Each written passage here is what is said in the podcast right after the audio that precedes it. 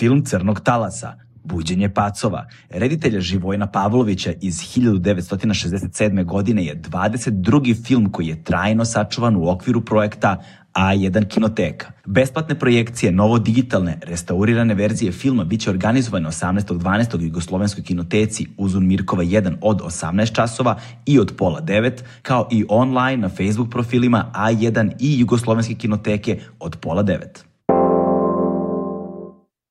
Legend Worldwide je domaći modni brend prepoznatljiv po džinsu i stilu, fokusiranom na stvaranje smirenog dizajna sa prizvukom modernog nasuprot bezuslovnom praćenju modnih trendova. Sad ću predstaviti svoje nove goste. U pitanju je bračni par, Milan i Vladana. Oni su predstavnici cirkusfere. U pitanju je savremeni cirkus, savremeni srpski cirkus i savremeni regionalni cirkus, bolje da kažemo, s obzirom na to da njihova cirkuska trupa broj članova iz različitih zemalja u regionu i da konstantno sarađuju naravno sa najrazvijenijim cirkuskim uh, umetnicima, odnosno najrazvijenijim cirkusima u Evropi i umetnicima koji su deo te kulturne scene iz Francuske, Italije, Engleske, Rusije i tako dalje. Održali su skoro i festival uh, cirkusa koji traja sedam dana u Luci Beograd, o kojem ćemo takođe govoriti nešto kasnije u ovoj epizodi, ali približavanje cirkusa, ne samo približavanje cirkusa, nego i negde demistifikovanje onoga što cirkus zapravo jeste, odvajanje cirkusa, savremenog cirkusa, onoga što je klasično posmatranje i viđenje cirkusa danas i kako on ulazi u sferu zapravo visoke umetnosti koja se graniči negde sa pozorišnom umetnošću, sa savremenim plesom i tako dalje su teme o kojima ćemo govoriti u ovoj epizodi. Dakle, Mile, Milan i Vladana, predstavnici cirkusfere, su moji sledeći gosti. Uživajte.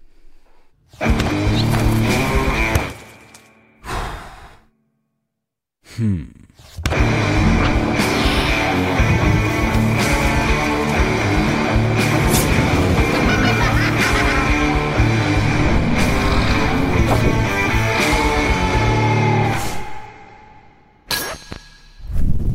E pa, dragi moji, dobrodošli, Vladana, Mile. Znaš, Mile, Mile. Ali... Mi, kad kažu Mile, ovaj, meni odmah prođe kroz glavu traktor. Tako je, traktor, znaš, neki Neymar. to, to. to, ovaj, a, to je skraćeno od Milan. Tako je. Tako je. Milan i Vladana, a, vas dvoje ste cirkuzanti. I kao to mogu da kažem i da apsolutno nema nikakvo ono drugo značenje, vi ste to. Cirku, bavite se cirkusom. Koliko dugo? Mm, pa 20 godina, da. 20 godina. E sad, mhm. kad smo se dogovarali oko ovog razgovora, um, uh, jedna od stvari koje sam pomenuo jeste kao moramo da prođemo cijeli istorijat razvoja jel te, cirkusa i tako dalje, zato što malo pre smo pomenuli, pre smo počeli snimanje, nekako, evo gledam sad da kao poslednji update softvera na iPhoneu je 14.8.1, A kad govorimo o updateovanju informacija u vezi sa cirkusom, mi smo ostali na 1.0 pre, ne znam, 150 godina šta smo mislili da je cirkus i ljudi dan danas veruju da je to. Tako da treba e, neke duboko ukorenjene predrasude i predstave o tome šta je cirkus danas malo da razbijemo i da, da vidimo šta je to savremeni cirkus danas, od čega se sastoji i koje su sve njegove značenja i šta se nosi sa sobom. Pa da počnemo zapravo kako cirkus i od kada cirkus. Znaš, vi ste zapravo bračni par, ali tako? Mi smo zapravo bračni par, ste, tako ste, je. To cirkus, je. Cirkus nas je spojio. Da, to je, to je jedna tradicionalna cirkuska stvar koja se nije promenila. da, da. Ili je slučajnost? ne, ne, mi smo baš išli za tim. Ne, pa naravno da je slučajnost. Cirkus nas je spojio. U stvari, e, tu smo se upoznali i od tada smo krenuli putem mm -hmm. ovaj, cirkuskog života. I evo, već 20 godina smo u tome ovaj, i pokušavamo da, mislim ne pokušavamo, u stvari živimo cirkus. Da. Vi ste zapravo cirkusfera, tako se zovete, je li tako? Tako, tako se zove udruženje sa kojim smo krenuli da eto, mm. razvijamo cirkus. Ovaj, I ukoliko želite da ih potražite na Instagramu cirkusfera i ovaj, to su oni. Ajde sada da počnemo od toga a, da, kako, kako je zapravo sve počelo. Mislim, ko, ko će od vas dvoje da krene Znaš, i kao, pa da onda uđemo u to šta je cirkus, kako se cirkus razvio, evoluira i šta je savremeni cirkus danas. U smislu kako je sve počelo za nas? za vas lično, individualno, da, da. Pa evo, ona a, može da krene kao a, neko ko, je, ko ima malo Starije. duži a, a, radni staž. Ajde. uh, pa počelo je naravno spontano.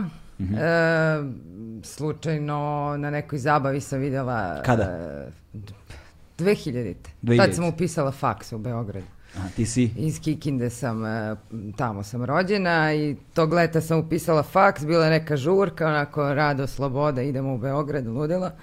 I ovaj, videla sam curu koja žonglira na žurci sa vatrom. Mhm. A da, I, te vatre su ovaj, bile pa popularne da. tad, to vreme. I, Na rejvu posebno. Da, to je da, prijateljica, trans da, prijateljica Ivana Koraksić. To, neki rejv jeste bio, da. I ovaj, tu sam odlepila za no, kako je to vizualno sve, ona je izvela, šta je to, kako, napravim ja to odmah kući sutra dan, odmah nešto zbuđim tamo, već preko sutra sam vrtela vatru, znaš, to je ono instant, kao želja za tim, tom veštinom.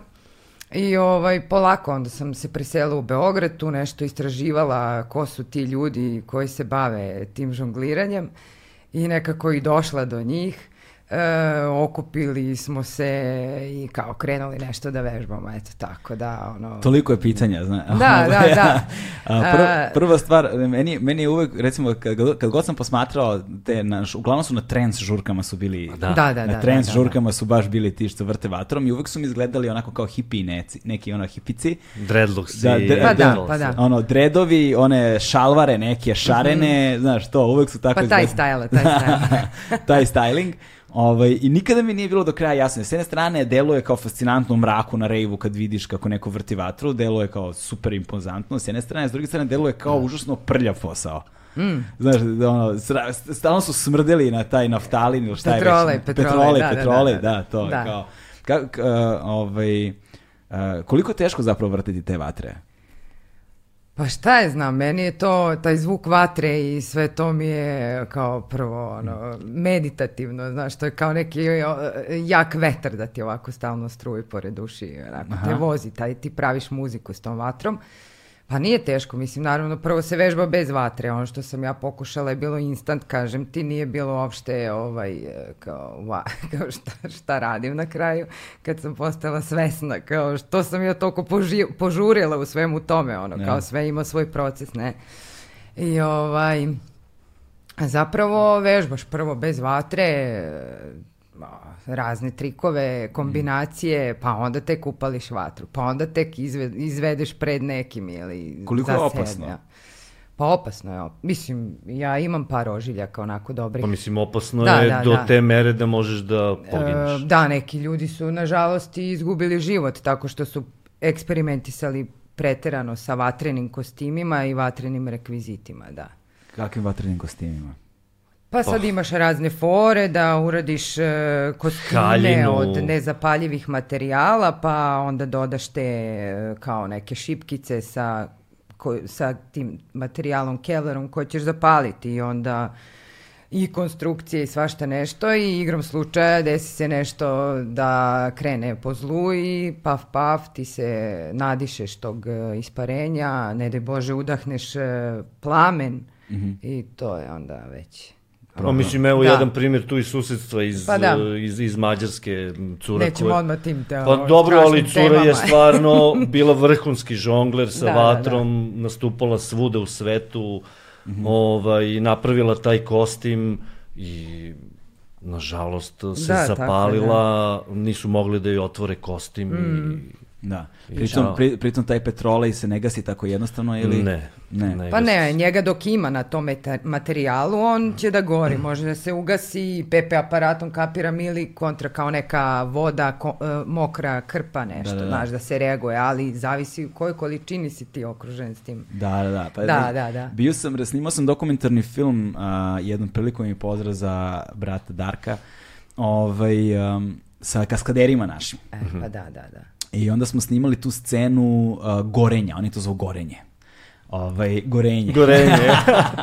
Oni to zovu gorenje i onda ima, ide posebna priprema, a, to kad vidite u onim hollywoodskim filmovima i tako dalje, pa kad, znaš, neko istrači iz požara, pa Jest, sav da. zapaljen trči i tako beži, šta ti ja znam, i onda su snimali tu scenu i jedan od kaskadera, zaboravio se mu ime sada, a, bili su prisutni kad je bilo to njegovo prvo gorenje. Znači, on je bio strašno uzbuđen, jer to je valjda u svetu kaskaderstva, a, avanzuješ, znači ti moraš da to je sabereš, ne znam koliko- inicijacija.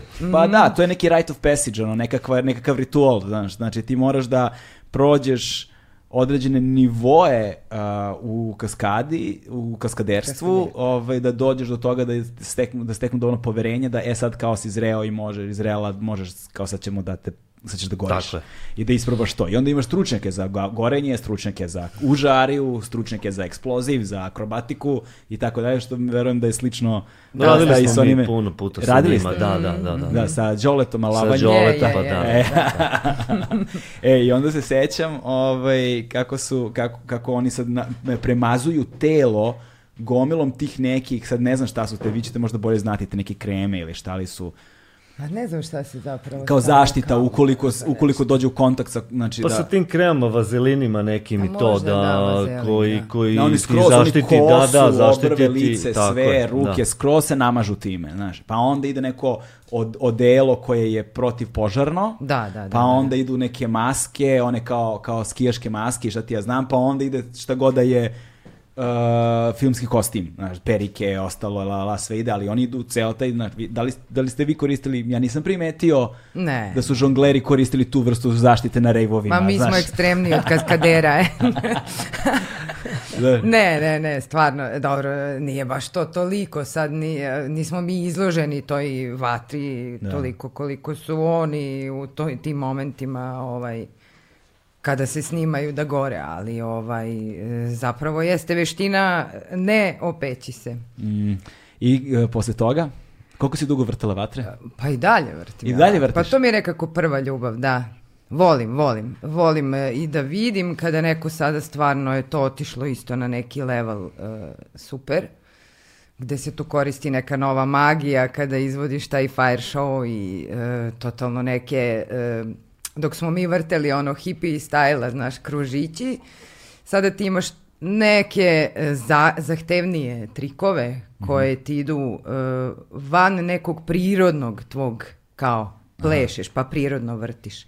Sad to ide sve nešto kontra, pa onda je to onako i za mozak e, trening. Da. e, i, I za koordinaciju i, za pokreta. koordinaciju i onda izvodiš vizualne te neke, e, ne samo Figure. krugove, nego figure, mandale. Aha, aha, Da, da, da, da, mandale, mandale. bukvalno, da, da, Da, da. ovaj, da, zato što sam, to, je, to, je, to sam htio da pitam, jer kad god sam ja viđao o, tu ekipu koja vrti vatre, to je obično delovalo, da sad ću da zvučim totalno laički, ali kao kretanje po inerciji. Mhm, Znaš, na primjer, vrti i kako se vrti to, on, on ili ona se vrte zajedno sa time ili se to vrti zajedno sa njima i taj pokret je tečan i prirodan. Da, znaš, da, deluje da. kao nešto što nije zapravo toliko komplikovano, nešto što bih možda mogao za 15-20 minuta sam da savladam bez vatre, naravno. Pa neki deo Da, da, sigurno, pa neki da. deo sigurno. svakako, znaš, ali ni- nisam do sada imao priliku da vidim koreografiju koju vidiš da je nešto kao, na primjer, ne znam, skaterski trik ili, Mhm, ili baletski neki ili plesni, ovaj, nešto što je baš zahtevnije, a da imaš i taj element akrobatike koji ono sad, u, kao ovo sad već deluje, vidi se da je neko ozbiljno vežbao, znaš, ovaj, i deluje pomalo rizično. Da, da, pa mislim stvarno je otišlo to daleko. Da. I kao, više se kao taj e, fire staff, taj, ta šipka, jedna šipka koju vrtiš, kao, ok, aj sad je više nećemo držati u šaci i manipulisati odatle, nego ćemo je kao kontakt sa telom, znaš, i onda ti zapravo telom vrtiš tu šipku, a ne, ne Bez držiš... hvata, bez- Kao što je da. nekad bio hula hop, samo... Samo Pa da. šipka, da, da, Samo da. šipka, da. Tako da, da. Ma otišlo je to baš Zapravo daleko. tebe uzme ta jedna stvar, tipa šipka, tipa ono poj, taj vatreni poj ili šta već i ti tu ako si dovoljno zagrizao, ideš samo u istraživanje, ne moraš ti da gledaš neke tutoriale ili da učiš od nekoga, nego sam, eh, sam napreduješ. Da, a uvek mi je bilo i malo ovaj, ono, problematično na tim rejima. Recimo, posljednji put kad sam video te vatre, a, bio sam, eto, pre, pre covida u Mionici a, dole, jel te, je bio rejv u šumi neki, znaš, koji je trajao nekoliko dana. Ovaj, I to je bilo onako, jedino što smo se zeznuli, otišli smo, bilo je leto i nismo poneli onaj protiv komaraca, bilo je strašno vlažno i burazero, ono, znači, ako te ne ubiju komarci, posle uživaš u toku noći, ali opet jutro problem. ali ekipa, znaš, ovaj, rizik po druge, to jest koliko su drugi svesni i ono, obraćaju pažnju, znaš, koja je opasnost da povrediš nekoga ko, eto, ono, malo, sluđe, Random, da, malo da. sluđena osoba tu prolazi, znaš. Je, je, da, da. Mislim, dosta je to opasno. Ili imaš neke asistente koji kao je, ne prilazi, ono, koji Pa održe... dobro, realno da, uvek je neko obezbeđenje, a, kao tu nešto uh, vodilo računa, ali jeste opasno da se neko vrti oko tebe, pogotovo ko nije svestan, znaš. Da. Možeš da ga, možeš da ga povrediš, mislim i nje, ono, tu osobu i sebe, da. A, da se pomerimo s vatrika. Ajde, Znaš, da, to je a, baš šta- šta- početak, Da, to je, bio, to je bio početak. I kako, kako je izgledala progresija, napredak, kako je to iz, iz tvog ugla ta, ta karijera izgledala? Pa isto tako nadalje spontano. Mhm. Mislim, mene je stvarno, e, što se tiče cirkusa, e, dosta stvari onako zainteresovalo. Mhm. I sve sam žela da probam i sve sam nekako do nekog momenta i e, vežbala i kao nije, nisam usavršila neku disciplinu kao do maksimuma, nego sam tako išla. Mhm. A sad malo lop, loptice, pa sad malo ovo, pa malo ono, pa malo akrobalans u paru, pa tak, na, onako sve po, pomalo. E, I mm, sve do nekog momenta dok ono se nismo mi otvorili kao to kao počeli da dovodimo A ko to strane mi? pa mi kao tu smo se ovaj kad smo se skontali kao organizacija, pa ne, kao organizacija, Mm, da, kao ekipa. Pa to ne koliko je vas u organizaciji, koliko je tad bilo, koliko vas To je se sada? menjalo, to Da, se da, dosta da, da, menjalo da. do sada. uh, u startu kad, kad je sve to nekako se zalaufalo i krenulo, bilo je nekih desetak ljudi uh, u priči, uh, što, va, što žongliranje sa vatrom Mhm. i uličnih performansa, tako i u početku dečijih predstava, onda predstava na ulici i tako dalje. I to se dosta menjalo. Mhm. Uh, sada nas je negde u ekipi šestoro, sedmoro. sedam, da. Da, uh, dosta često neko dođe, dosta često neko i ode. Mhm. ovaj, češće ode nego što dođe. Teško je naći nove cirkuzante, znaš, posebno što iziskuje godine vežbanja. pa da, pa da. odricanja, posvećenosti, ali pričat ćemo o tome, to je Mm. također jedan vrlo specifičan način života. Živjeti uh, cirkus. To je Znaš, stil to, života. to da. jeste da, vrlo specifičan i pričat ćemo o tome. A, ali, me, ali me zanima sada, a, da li postoje oblasti unutar cirkusa za koje si ti specijalizovana? Kao, na, recimo kad sam dolazio kod vas, ono kao, evo, ovaj je, ne znam, žongler, ovaj je Da, da, akrobata, da, da, sad, da. zašto si ti specijalizovana i onda mi ti navedi koji su to sad sve segmenti u cirkusu koji postoje, kao i kako, za, zašto ljudi sve mogu se specijalizuju? Ti si stručnjakinja. Aha, stručnjakinja. stručnjakinja. Pa mogu reći, evo da, e, da ću sa tim i završiti, ja mislim, sa hopovima. znači hula hopovi, 1, 2, 3, 4. Četiri hula hopa. Da, Dobro, to, to je nešto u čemu si najbolja. da. Da. I sa tim idem do kraja. I to je ovaj. Šta znači I idem onda do idem, pa idem u penziju, ja mislim. Aha. Da, ako Ja sam se postoji- razmi- zamišljao, ne znam, Ne, ono, ne. naš, A, e, kao- na avionu, dva aviona lete, ja pravim špagu, između A, vrtim pa kao dobro, da, Van-Claude da, da, Jean da, Dam, da. Jean Dam. Jean Dam, e, Jean-Claude Van Damme. Znaš kao, idem do kraja, znaš, ja zamišljam, znaš, što je u mojoj glavi to. E pa kako- dobro, pa sviđa mi se, da, sviđa mi se. ne. Zapisano. Zapisano. Može, da, da, da, okej, da u Ovaj, tefteri. a, Taj, pa. Mile, E, a ja, b- s obzirom da smo mi e, pioniri e, svega toga ovde kod nas u Srbiji i s obzirom da pored toga što mi e, i nastupamo, mi radimo i edukaciju, edukujemo i e, druge ljude i decu i tako dalje, omladinu, e, nekako i s obzirom na to da e, kod nas ne postoji obrazovanje vezano za cirkusku umetnost i da smo mi svi samouki, a edukovali se po master klasovima, radionicama širom Evrope, dovodili umetnike ovde i tako dalje. Ovaj, e, ja za sebe ne mogu reći da sam ja e, specijalizovan za e, e, jednu oblast u cirkusu. E, Ja puno toga radim, puno toga znam, e, a od onoga što najviše volim i što najviše radim jeste žongliranje i balans. Balans na raznim rekvizitima, a, pre svega na žici, gurtni i tako dalje. na koliko je taj balans težak?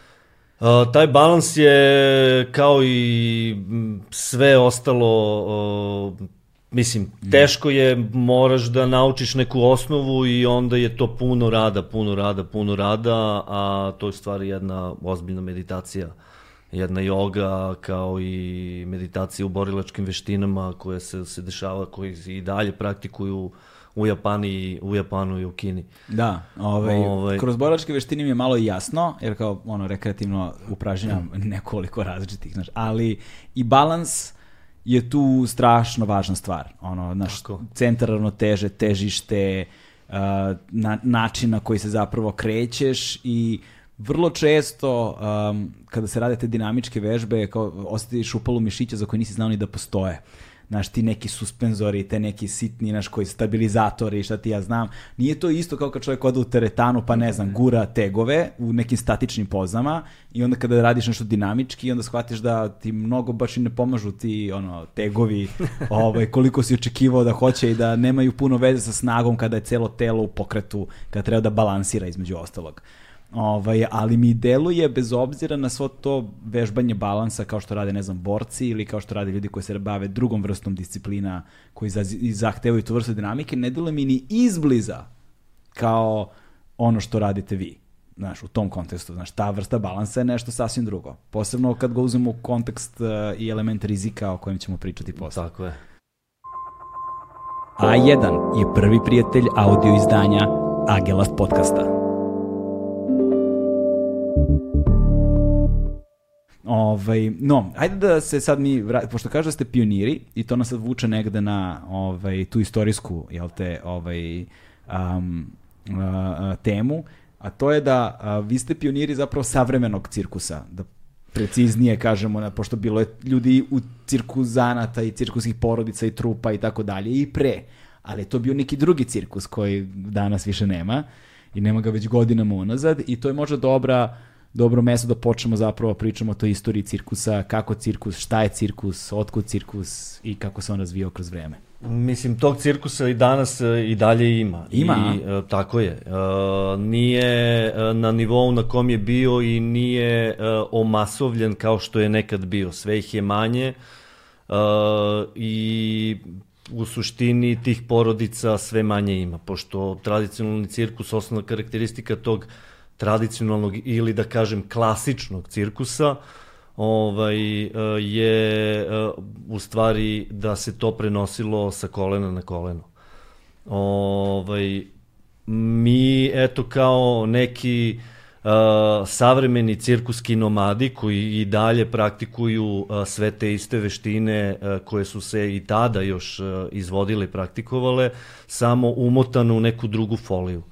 Uh, I uh, pored toga što su umotane u tu neku drugu foliju, uh, ne koriste se uh, životinje u uh, divlje životinje u uh, izvedbama uh, u savremenom, novom ili kako već uh, uh, da sad nazovem taj cirkus, pošto se klasifikacija od 60. godina pa prošlog veka pa do danas uh, promenila jedno tri puta. Od neoklasičnog e, preko novog cirkusa, savremenog Moderno. i uh, eto, da, da. kažem. Hajde da prođemo onda kroz sve te, da, da pojasnimo malo, kao neku, kao jednu lekciju, mala istorija cirkusa.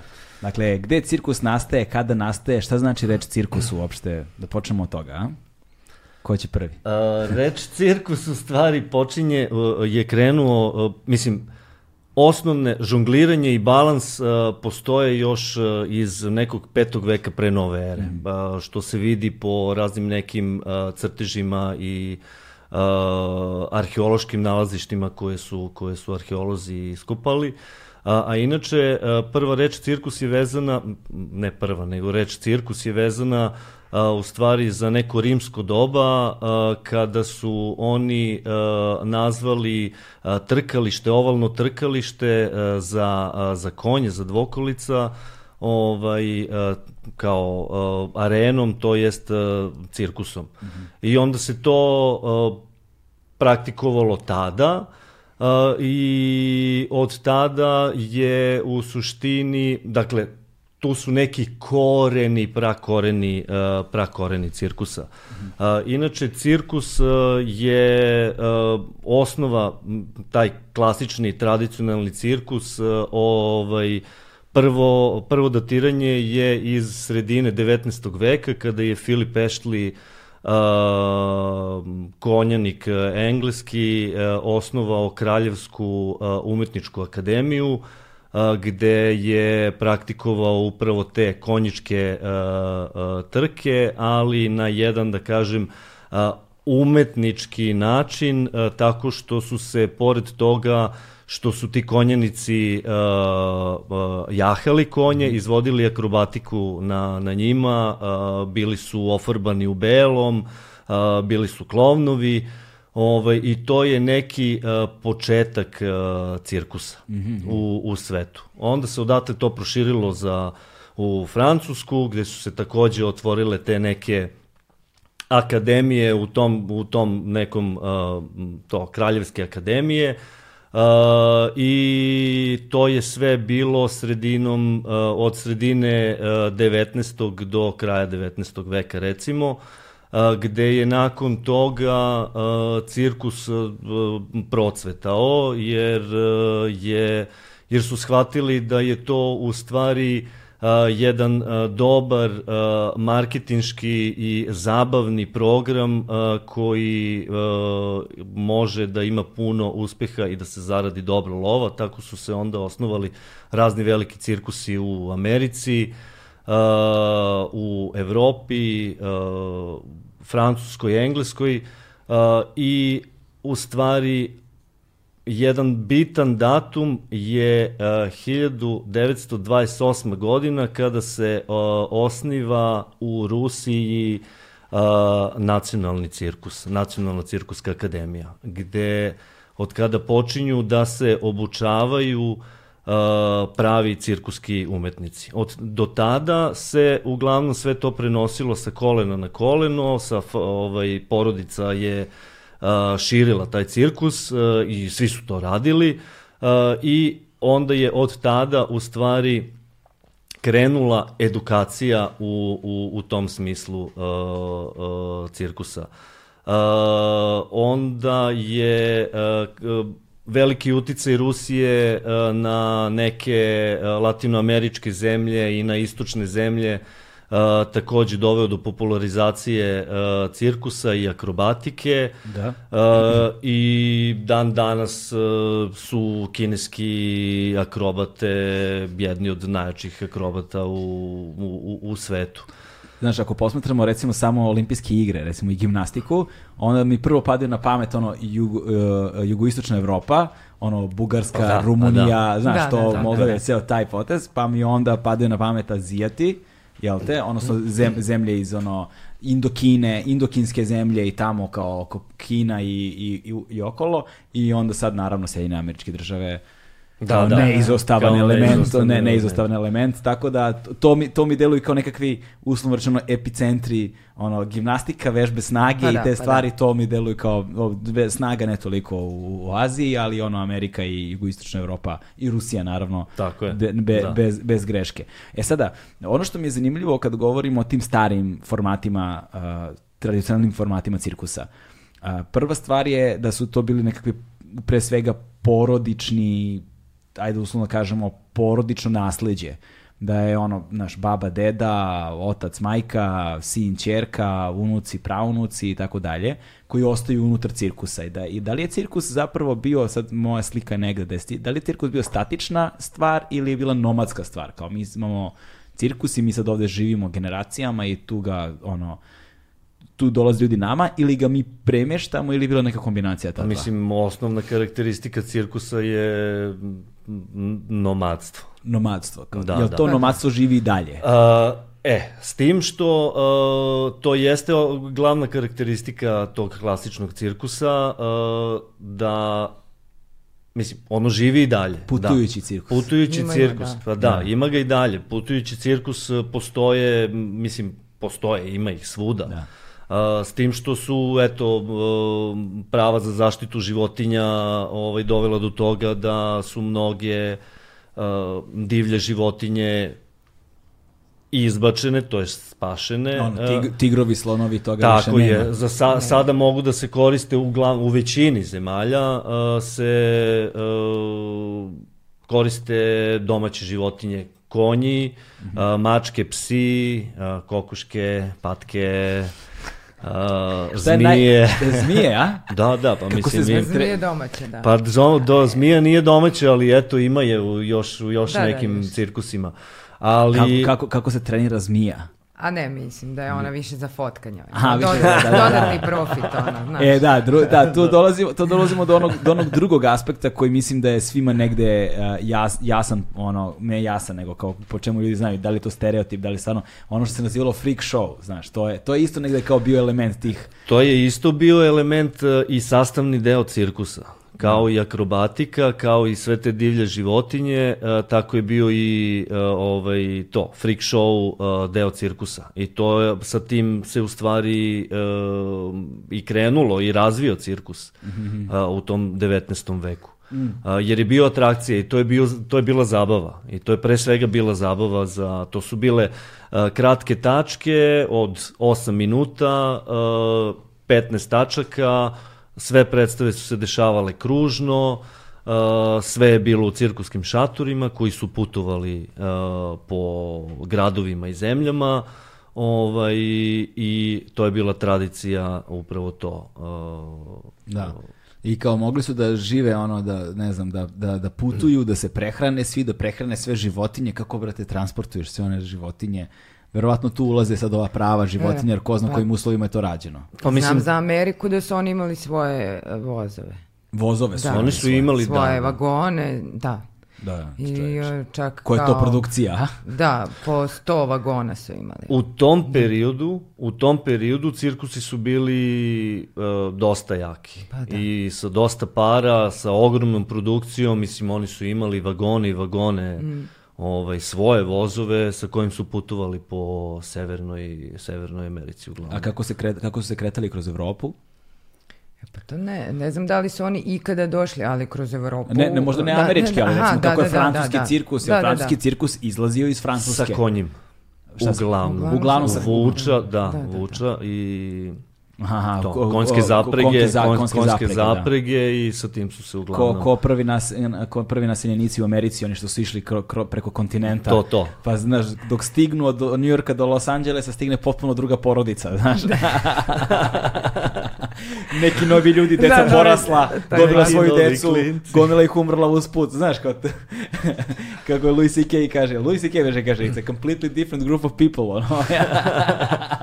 Kada stignu na destinaciju. Znaš. Da, da. Kapiram da i sa cirkusima bilo vrlo slično ovaj, u, u, u, u, u nekom obliku.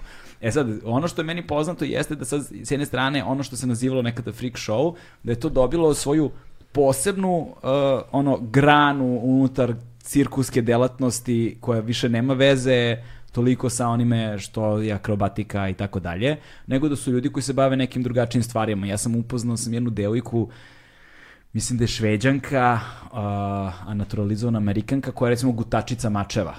Znaš, to je ono, time, se, time se baš ono profesionalno bavi i ona je u okviru nekog cirkusa koji oni nešto, oni su neki kao freak show, kabare slash Varijete, burle, da, da, burleska da, da, neka i imaju, znaš, ono, probadaju se svime i svačime, gutaju mačeve, vise sa onih suspenzija, sa Tako kuka je. na koži, izigravaju sve i svašta, znaš, ono, Ima, to je jedan potpuno novi žanr koji Da, se da, da, da. razvio jako u posljednjih 20 godina. Da, I i jače. to, a to su baš ono, to je baš neka ekstremna linija da, Da. kažemo ono koja i tu su ovi što kako se sad kako se zove ovi kontorsionisti Kontorci- Mhm. kontorzionisti ili kako se Da. zove što imaju te naše škide ligamente izbacuju dislociraju ramena i Da, ne globove.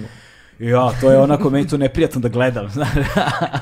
da, oni te baš dovode do ivice neke, neke ono, znaš, da- unervoze te potpuno, znaš, ne znam, znaš, drugačije, drugačije oni funkcionišu. Tako da kao taj freak se, se izmestio iz onoga što je, ne znam, nekada davno bila, ne znam, bradata žena, šta E već. pa da, pa da, pa da.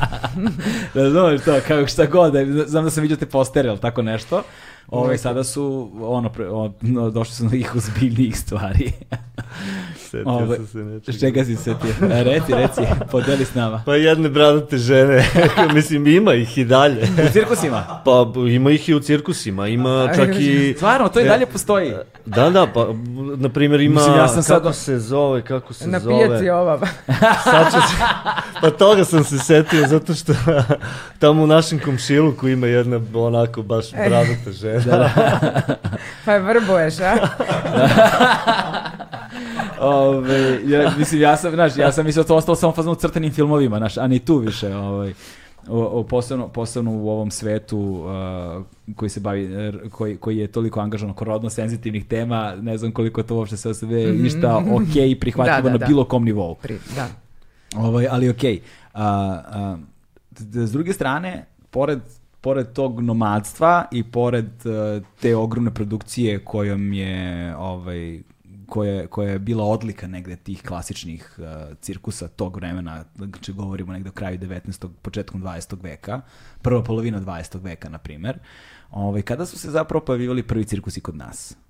koji su prvi cirkus? Ja, ja znam ono kad sam bio dete, da je bio Medrano, neki mm -hmm. cirkus i Colorado, mislim da je bio, ima I čak korona. i neka... Korona, korona, korona, neka korona, nego ima neka narodnjačka pesma, cirkus Colorado, tako? Nervozni pošter, da. Jel tako? Aha. E, pa da, pa sam tu pobrkao. Korona i Medrano, to da. su bila dva cirkusa. Da. I ja se sećam da je ono, moj a, fazon, i verovatno kao većini ljudi u ovoj zemlji, a, jedini odlazak u cirkus bio taj. Ali ga se ne sjećam, pravo ti kažem, baš sam bio dete. Ovaj, ne sjećam se ni šta sam gledao tamo. Znam da je bilo nekih životinja, ali ne sjećam se ni kojih životinja, ni šta. Jel postoje ti cirkusi dalje? Koji su bili prvi cirkusi kod nas uopšte? Znate? E, pa sad e, ima gomila informacija, ali nekako ne baš ono... Jasno. Kao, ba da, nisu meni baš najjasnije te informacije. Pokušavam ja to stalno, periodično nešto istražujem, onako, mm -hmm. kad me uzme to malo, pa kao sve bi nešto da saznam.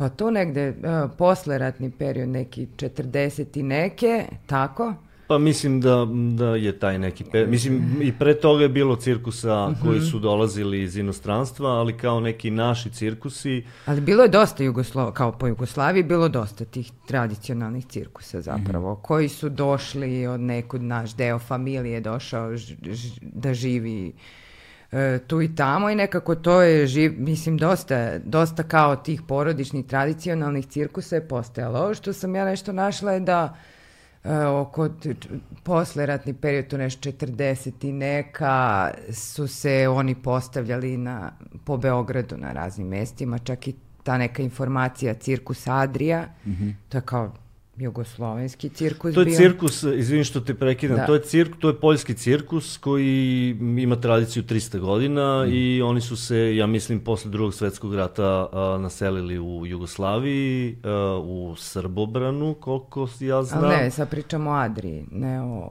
oni su Medrano ili Korona, kako se oni mm -hmm.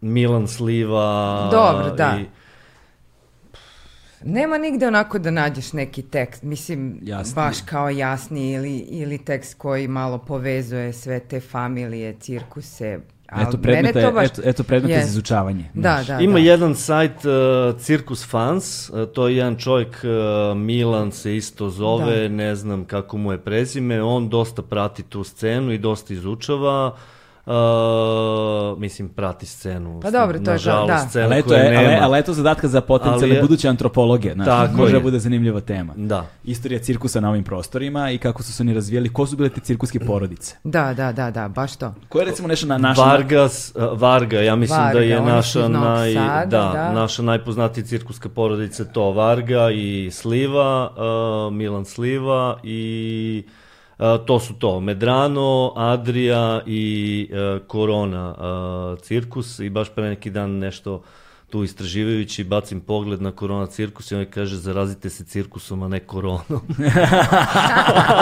to im je slogan novi. to im je slogan. Ove, kako, kako, koje su odlike to tih, tih tradicionalnih cirkuskih porodica, načina na koji su oni živeli, uh, šta je pretpostavljao taj život, kakvu vrstu ono, ne samo stila, nego i odricanja i, znaš, kako izgleda taj život u odnosu na tipičan život prosječnog stanovnika, ono, koje god zemlju to doba?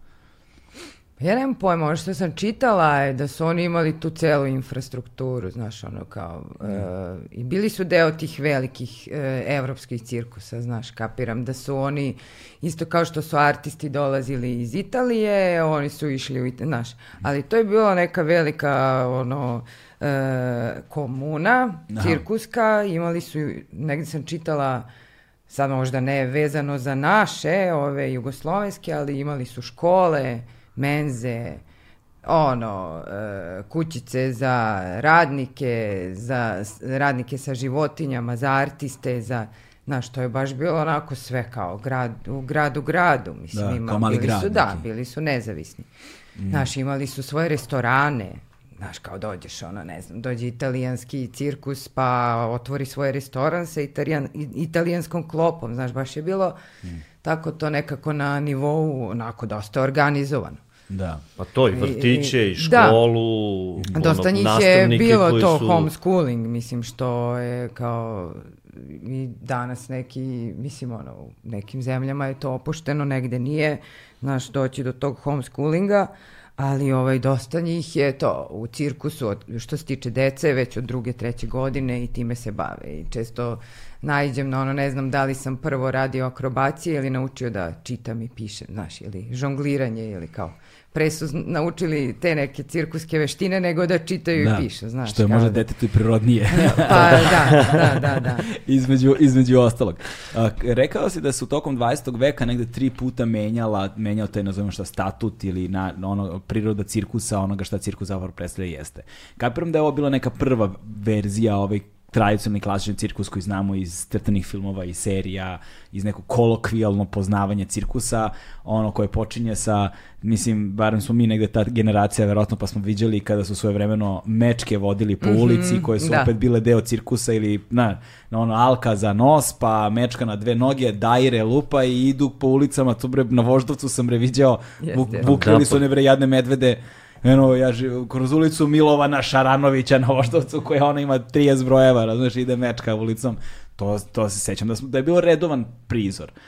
Ovaj, kako se umeđu vremenu menjao, menjao cirkus i, i kako izgledala njegova evolucija do ovog savremenog modernog cirkusa danas?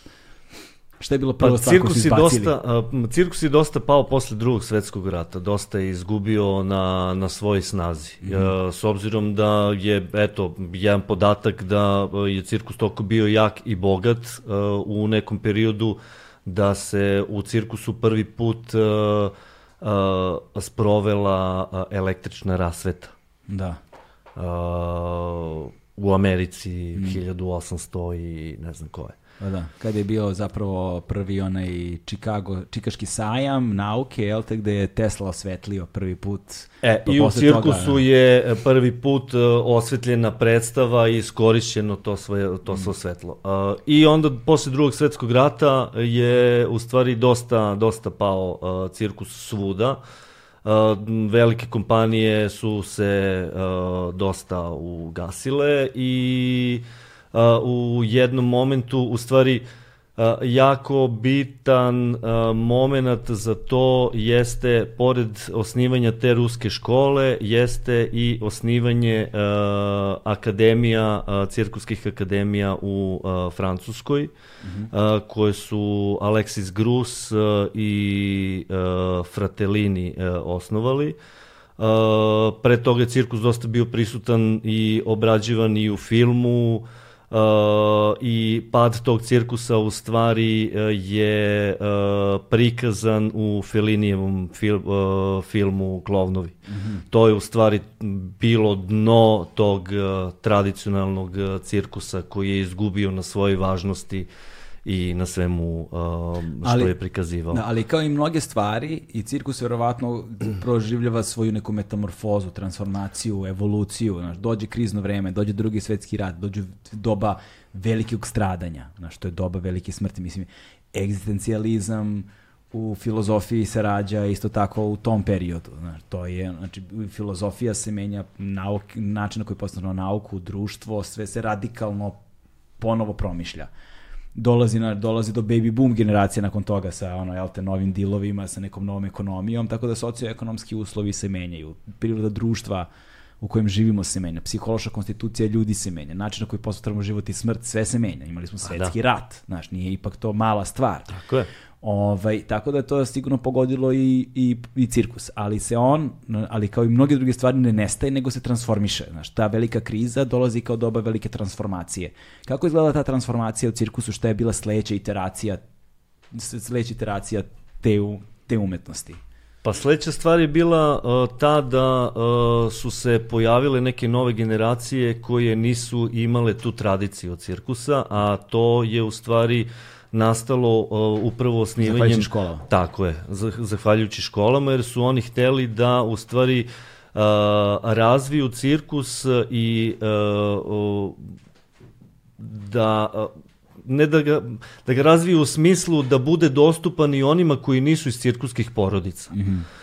I tako su prve generacije uh, tih cirkuskih umetnika uh, ovaj, krenule da uh, stvaraju svoj neki vid cirkusa koji je u tom momentu izašavši iz te arene i tog cirkuskog šatora na ulicu, što je u stvari uh, sada bi to zvali uličnom umetnošću, jel? Mm. Oni su krenuli da rade te predstave uh, koje su bile i angažovane, koje su uh, ovaj imale neku poruku, htele da, da, da, da, da kažu, bile su anarhistične mm -hmm. uh, i nekako drugačije od, od onoga da je do, šta, šta je do tada predstavljao cirkus, a do tada je cirkus predstavljao upravo tu neku kabaretsku formu, to jest tačka, tačka, klovan, tačka, klovan, bez neke poveznice između. Mm -hmm. Uh, I u svemu tome je jako veliku ulogu u stvari uh,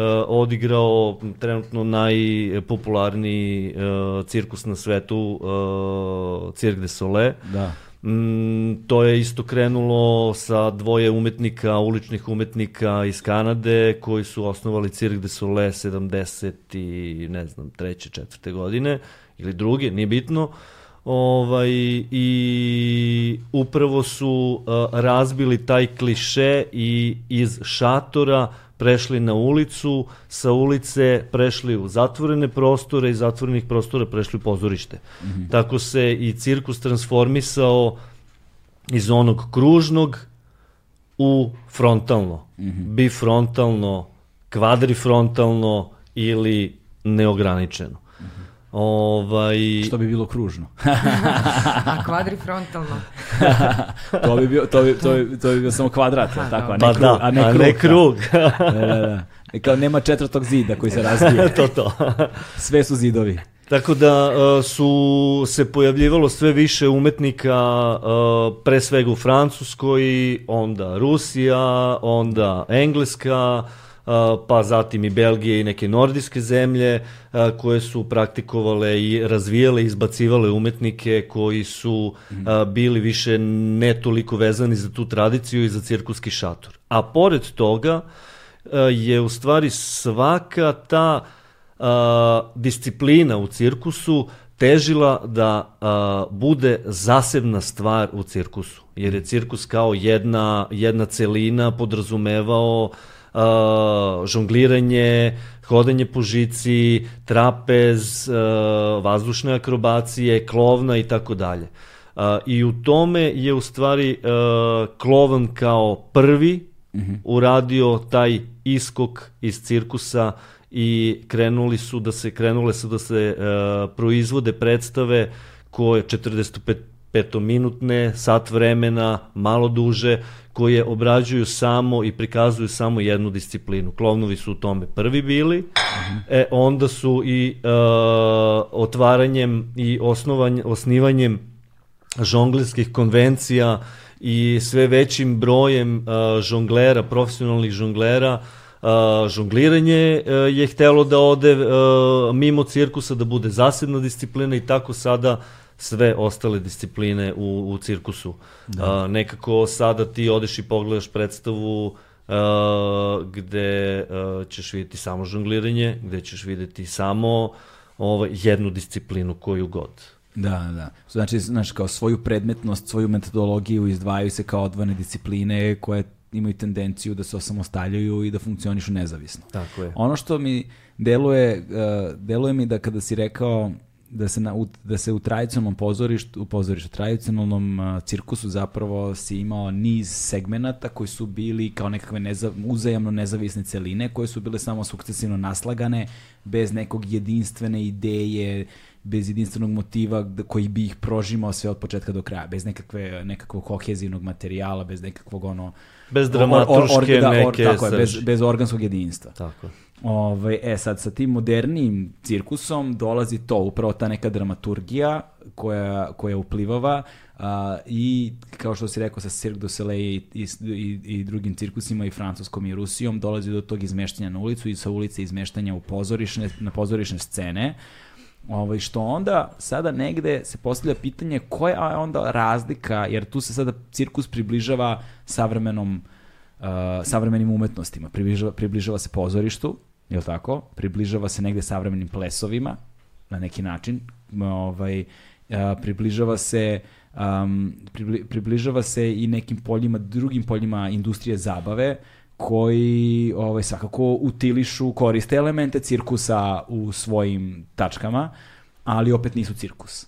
I sad kao, gde se pravi ta distinkcija, šta su to ono, šta je diferencija specifika, jel te, šta su, šta su distinktivno cirkuske stvari, gde ono kažemo, e, ovo je cirkus, ovo nije cirkus. Kako ih podeliš, kako ih razlikuješ?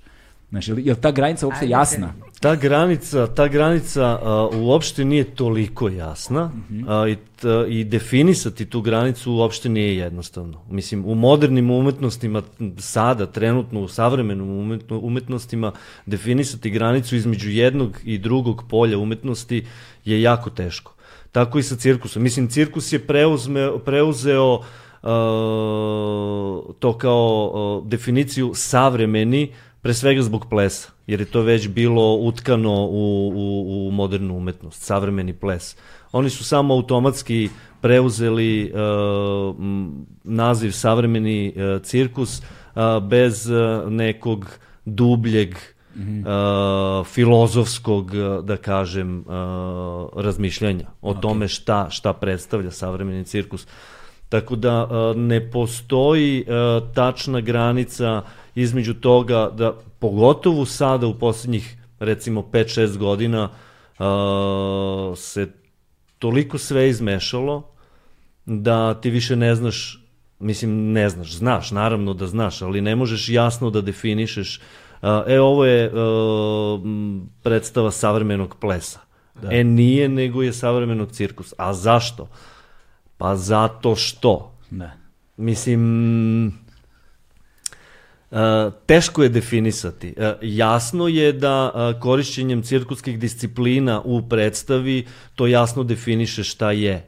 Da. Ali se sve manje koriste klasične cirkuske discipline u smislu, ok, sad ću ja da uh, uh, žongliram sa čunjevima ili sa lopticama. Ljudi sada žongliraju sa svim i svačim.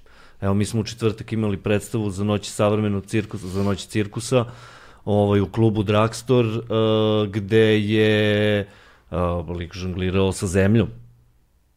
Zemljom? Zemljom, zemljom. Kako je žonglirao? Slamom, slamom. I šta je, veže u neke strukove pa žonglira slamom? Pa da, ali je i kida, a zemlja, mislim, sve to abstrakcija, ne? Aha. Mislim, recimo da je to eksperimentalno abstraktno žongliranje. Da. E, pa mogu ja tako da žongliram vazduhom. pa to ti kažem. Žongliranje, cirkus je primenjen I da balansiram na zamišljenom na zamišljenoj žici. Ali ono što je karakteristika jeste onda, izvini, da... onda bih ušao u polje pantomime. da. da. Ali ono što jeste jasno jeste da, da, da cirkus se koristi elementima plesa, pozorišta, uh, opere, muzike, pre svega rock muzike, ovaj, hmm. kombinujući ih sa a, cirkuskim disciplinama i cirkuskim veštinama. E, e sad mi je to zanimljivo, pomenuo si opere. Ovaj, meni nekako opera odmah vuče na glas, na vokal. Znaš, a ne pamtim nešto da je cirkus bio poznat po glasovnom nastupu. Znaš, meni je cirkus... Kako ne? Znaš, meni je u cirkusu eventualno ono ako životinja riče, znaš, jel te? Ili onaj koji najavljuje nešto, razumeš? Ali nisam nešto Pa je, pa da, mislim, govorimo ono kako to, znaš, sam ja zamišljao ovako glupi. Kako neuk. ne, pa sad, mislim, sad je to onako, jedan ozbilj, pa mi se, evo, recimo, ajde, najbanalni primjer Cirque de Soleil, šta oni rade? Pa oni imaju a, ceo simfonijski orkestar u svojim predstavama. A, no, ja znam, nego mislim ne govori se obično u cirkuskim tačkama.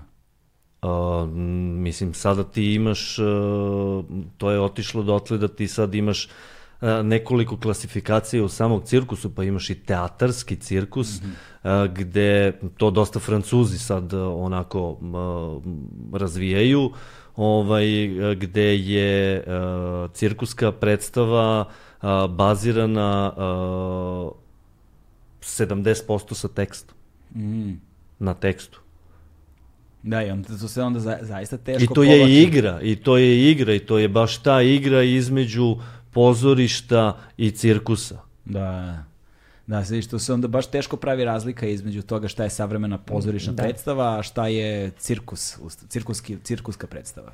Da, i dosta se kao manifesta koristi, znaš, kao neko je na nekom rekvizitu i želi nešto da kaže, ali to ne može sad samo, znaš, pokretom ili akcijom mm -hmm. na tom uh, u vazduhu, nego mora kao ipak da koristi reči. Pa Znam. dosta se i toga, ili samo glasovi, ili samo, mislim, koristi se, koristi se. Aha. Ali meni isto te gra, e, nisu mi jasne granice gde je ples, cirkus. E, e sada, ono što bih ja eventualno na, na, izdvojio kao jednu od stvari koja je možda cirkuska, a ne postoji ni u jednoj drugoj disciplini ili umetnosti, bih rekao da je rizik.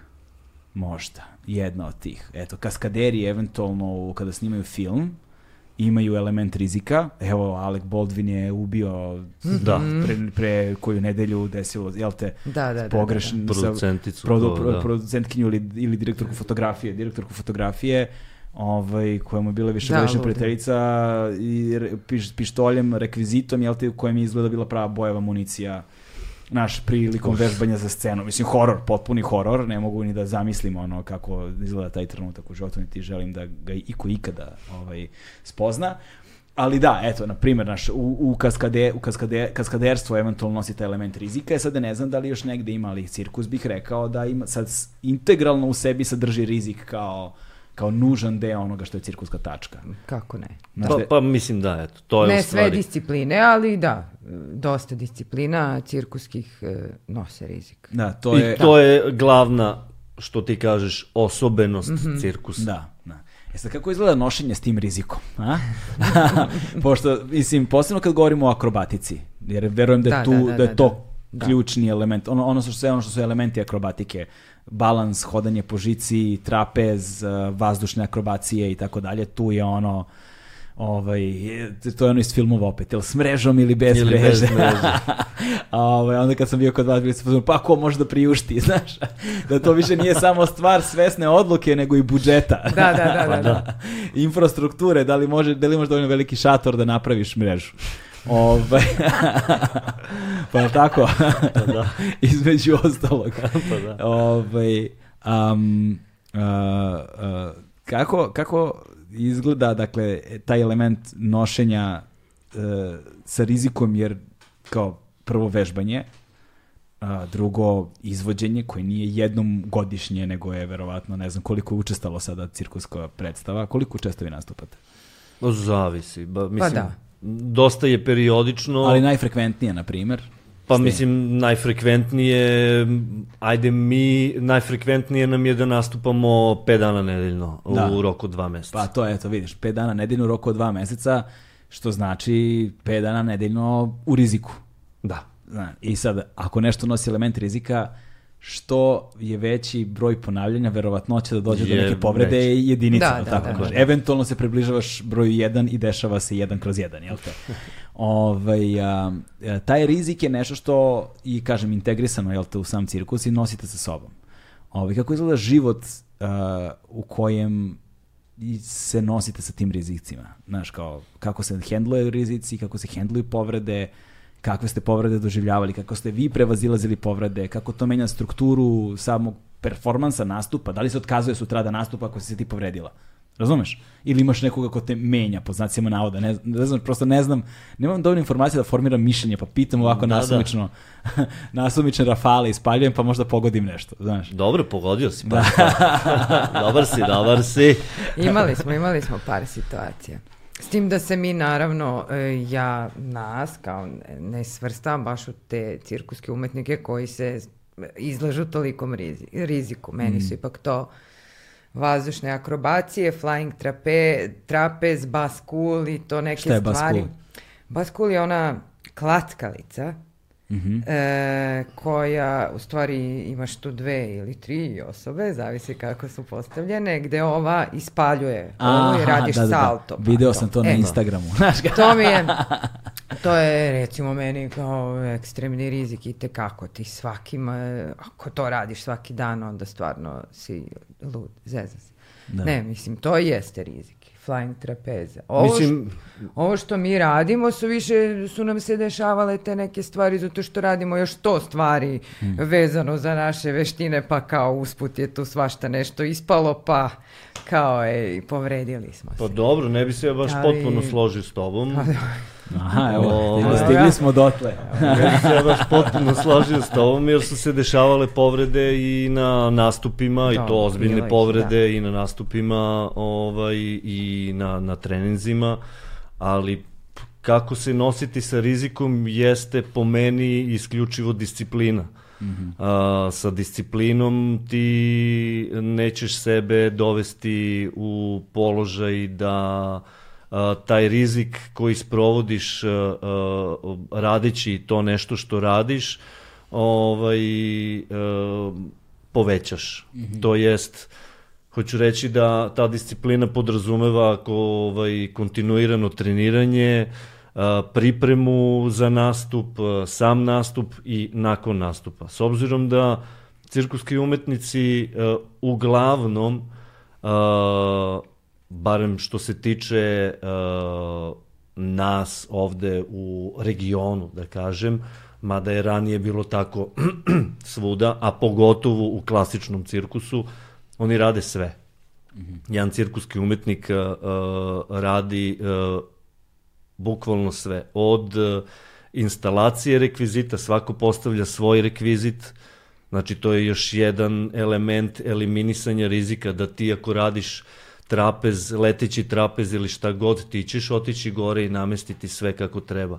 Dešavalo se, evo, našoj koleginici, sestri Drago i uh, imali su nastup u Rusiji, ona je dala uh, tehničaru njihovom da namesti uh, njen rekvizit svilu, uh, on to nije dobro namestio, ona je pala sa 5 metara, trudna.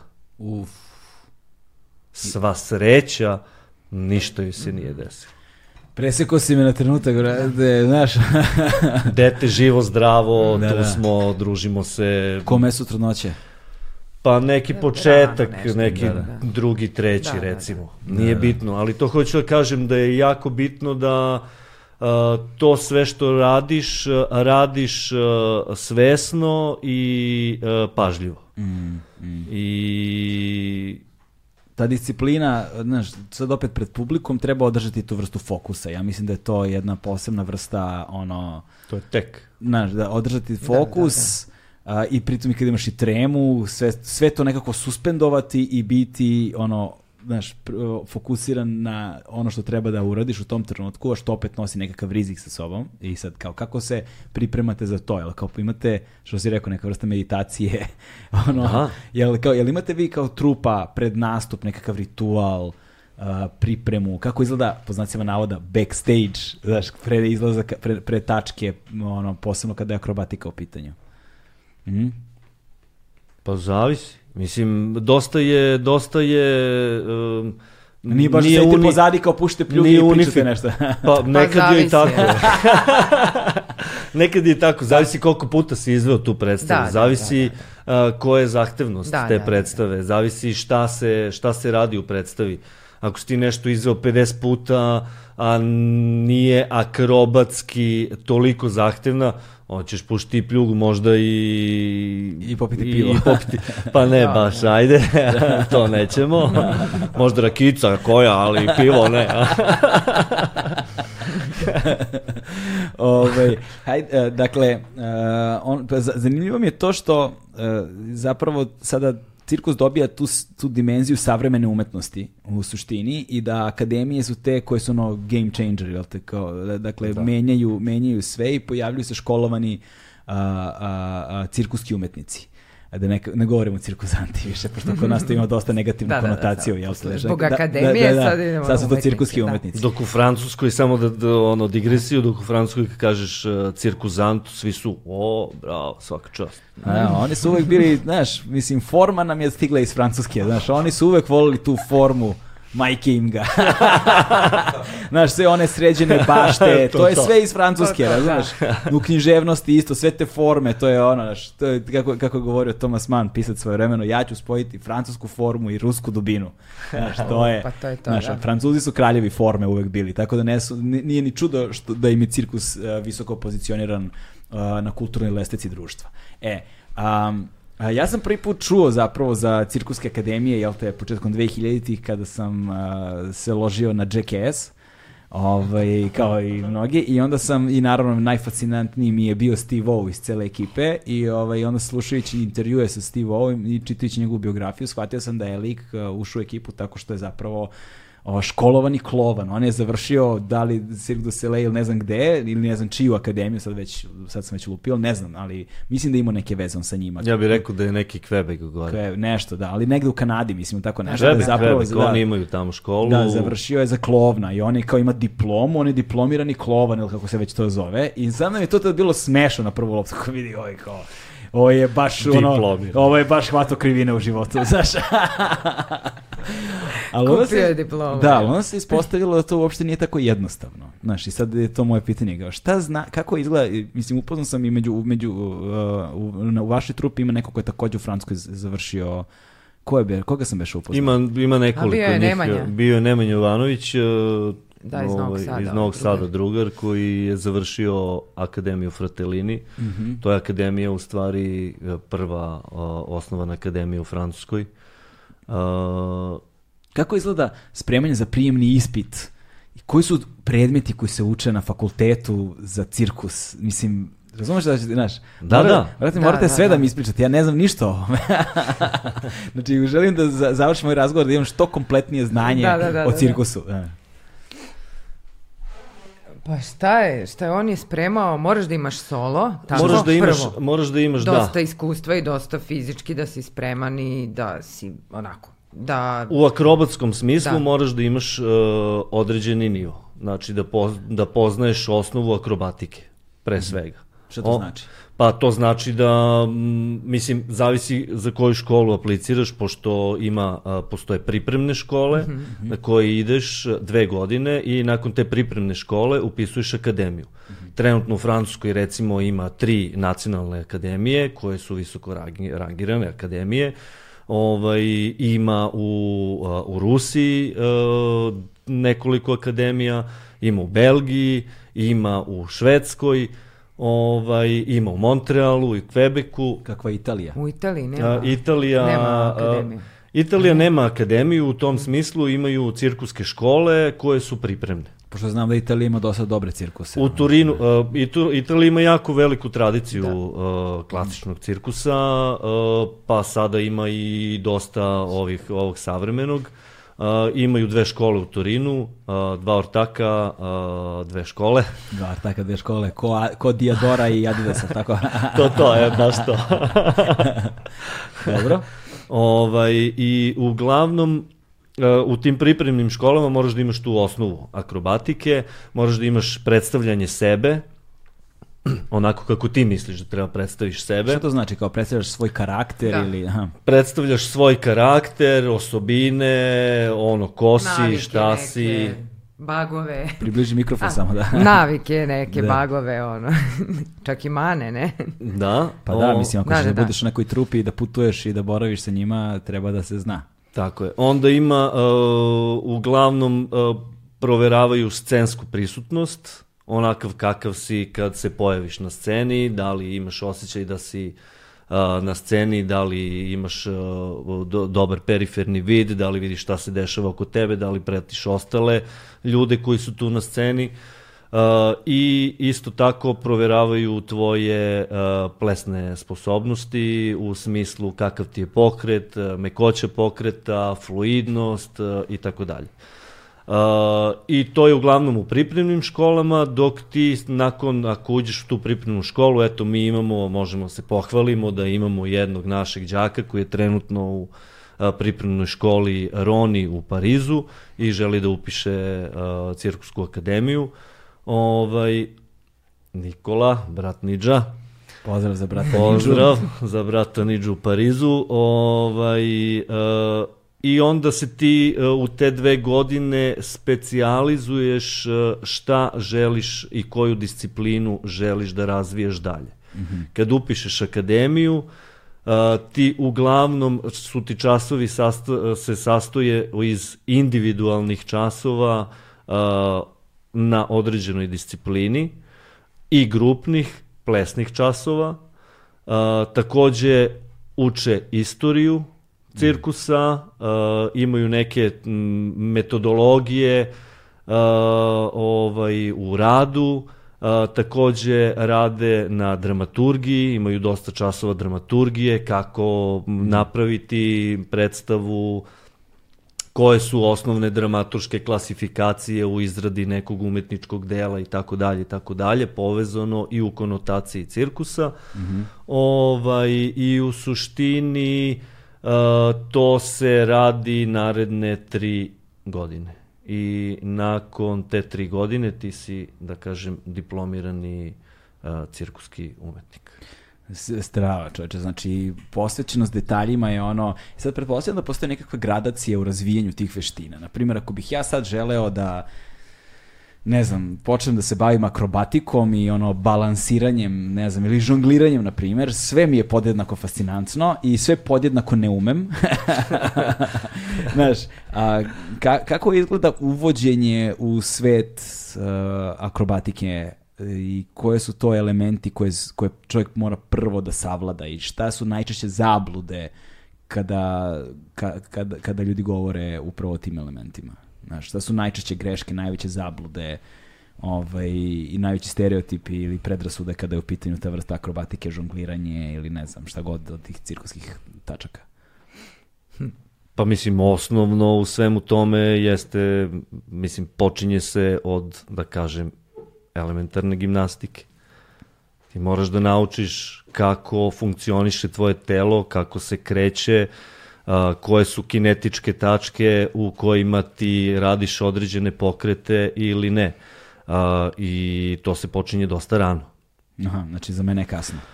pa i nas je kasno, kako da ti kažem. Ne može ona akro yoga, ako hoćeš. da visimo na hemoku i to kao, ozbiljni, ozbiljni e, cirkuski umetnici krenu sa, pogotovo oni koji se bave akrobacijom, e, krenu dosta rano. Znači, to je neka osnovna škola, mm -hmm. najkasnije srednja, da kažem, ako koliko želiš stvarno time da se baviš. I prvi, po meni, osnovni koraci su upravo to. Ako želiš parternom akrobatikom da se baviš ili uh, akrobalansom, duo i tako dalje, uh, za to ti je potrebna um, znanje iz gimnastike. Mm. Nema šta, moraš da znaš kako se radi premet, moraš da znaš kako se radi salto, moraš da znaš kako se radi rondat. Šta je rondat? Ono polu polu uh, premet napred na, na rukama, polu zvezda. Aha. Imaš zvezdu i onda u jednom momentu spojiš noge i skočiš i okreneš Aha, se. Okay, to, to se zove rondat. To se da. zove rondat. Vidiš koliko, se, koliko ne znam. A dobro, to mislim, ja to znam iz, iz gimnastike, ja sam studirao sam DIF, pa kao... Pa hajde da pričamo malo o tebi. Da. O, o difu, a, priča... Dobro, završio sam DIF, da. Kako si se ti zapravo u, u, u, u, ušao, kako si ti zapravo ušao u svet uh, cirkusa? Uh, ja sam u svet cirkusa ušao iznenada i polako. Ove, ovaj, u, upoznavši, upoznavši moju dragu, uh, dragu Vladanu, da koja je, da se dodirnemo, moju dragu Vlatku, koja je, eto, rekla je malo pre, krenula sa žongliranjem vatrom, upoznala tu neke ljude, Uh, mi smo se spontano nešto upoznali. Ja sam na difu imao iz elementarnih igara žongliranje mm. i s obzirom da se čitav život bavim sportom, uh, nekako... A čekaj, žonglirao si pre nego što si upoznao? Žonglirao sam. Pa da. te pitam, znači kad... kad, kad... Pa evo, da kažem, mislim, ja se bavim, sam se bavio amaterskim pozorištem još u srednjoj školi. Dok sam bio, tome nekako pozorište me privlačilo.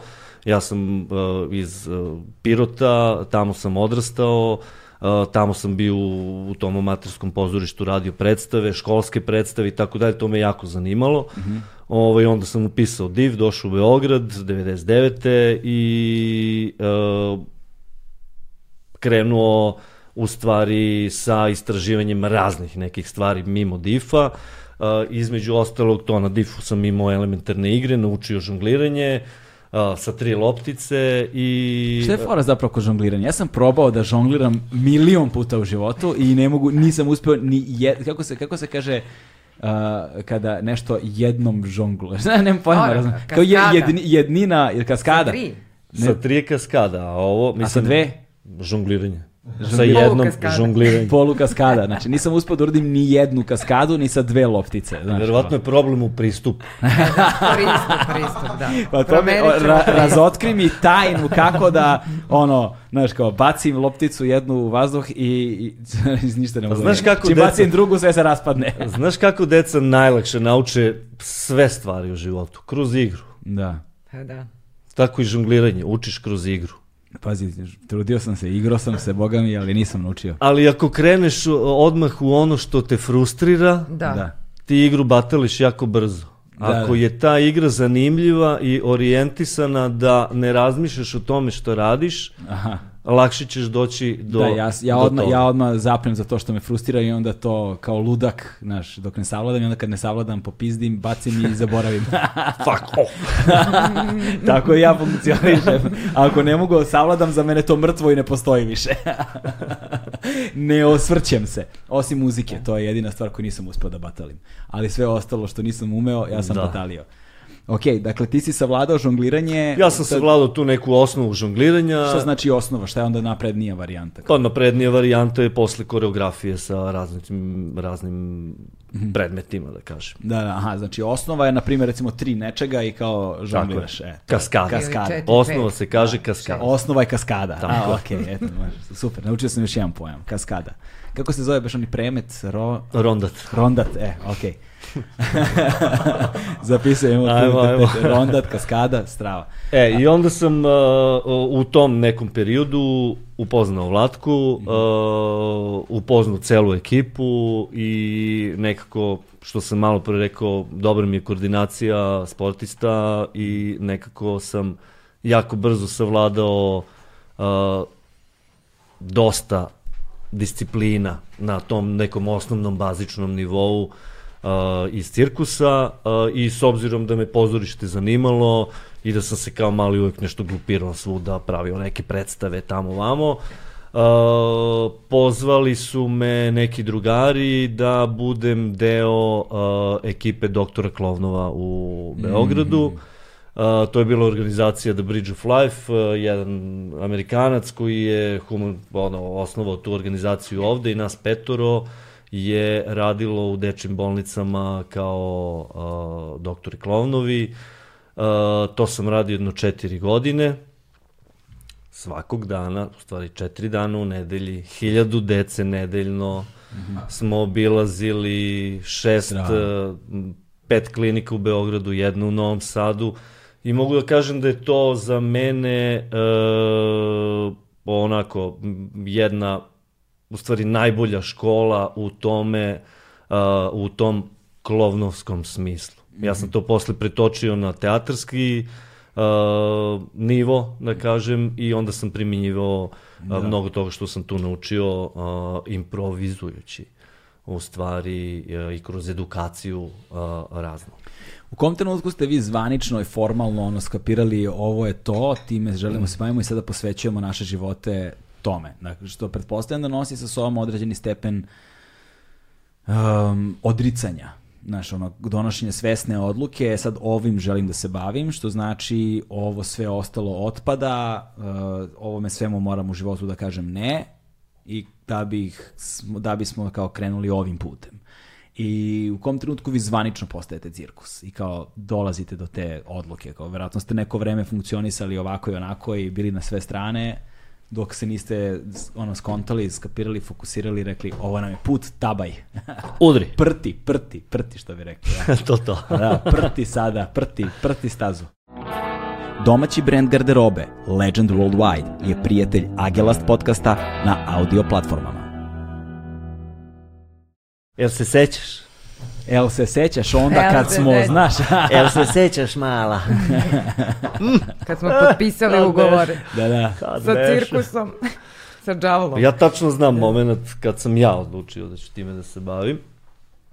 I to je bilo 2009. godine, kad sam prošao jednu audiciju, uh, bila je neka koprodukcija francusko-cirkuske, uh, francusko-srpske uh, predstave, pozorište Boško Buha, jedna kompanija u Francuskoj iz Tuluza, blizu Tuluza.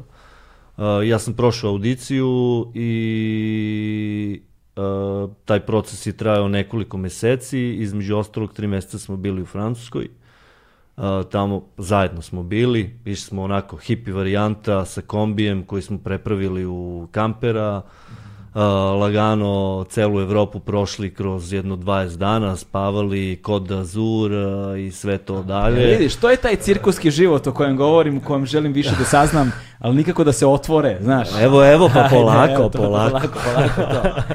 Slušam, slušam. Ovaj, I došli smo s tim kombijem tamo, tri meseca proveli u Francuskoj i u stvari smo tu obišli uh, gomilu festivala, uh, cirkuskih, pogledali uh, brdo cirkuskih predstava, videli u stvari šta predstavlja savremeni cirkus i šta predstavlja cirkus uopšte.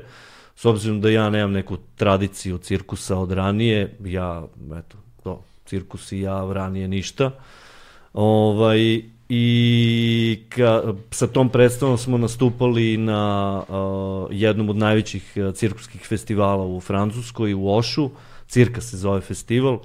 Uh, I u stvari uh, je to bio moment kad smo se vratili, rekli, ja mislim da je to to, uh, mislim, ja želim ovo da se bavim, ja želim ovo da živim, ja želim da, da idem u tom smeru. Uh, par meseci pre toga smo osnovali cirkusferu, do tada smo bili u Uh, Rex je bio jedna od redkih ustanova koje nas je kao prihvatila, uh, jer vežbati i praktikovati cirkus uh, uopšte nije jednostavno, to ne možeš raditi na ulici, moraš da imaš prostor neki, moraš da imaš nešto, nek, nek, neko Neku infrastrukturu. infrastrukturu koja je adekvatna za to. Uh, Rex nas je prihvatio, tu se nekako skupila neka ekipica, kritična masa, osnovali smo cirkus Velu, rekli smo ćemo se registrujemo i da krenemo, hoćemo, onda mi odemo za Francusku i 2009. se vratimo i kažemo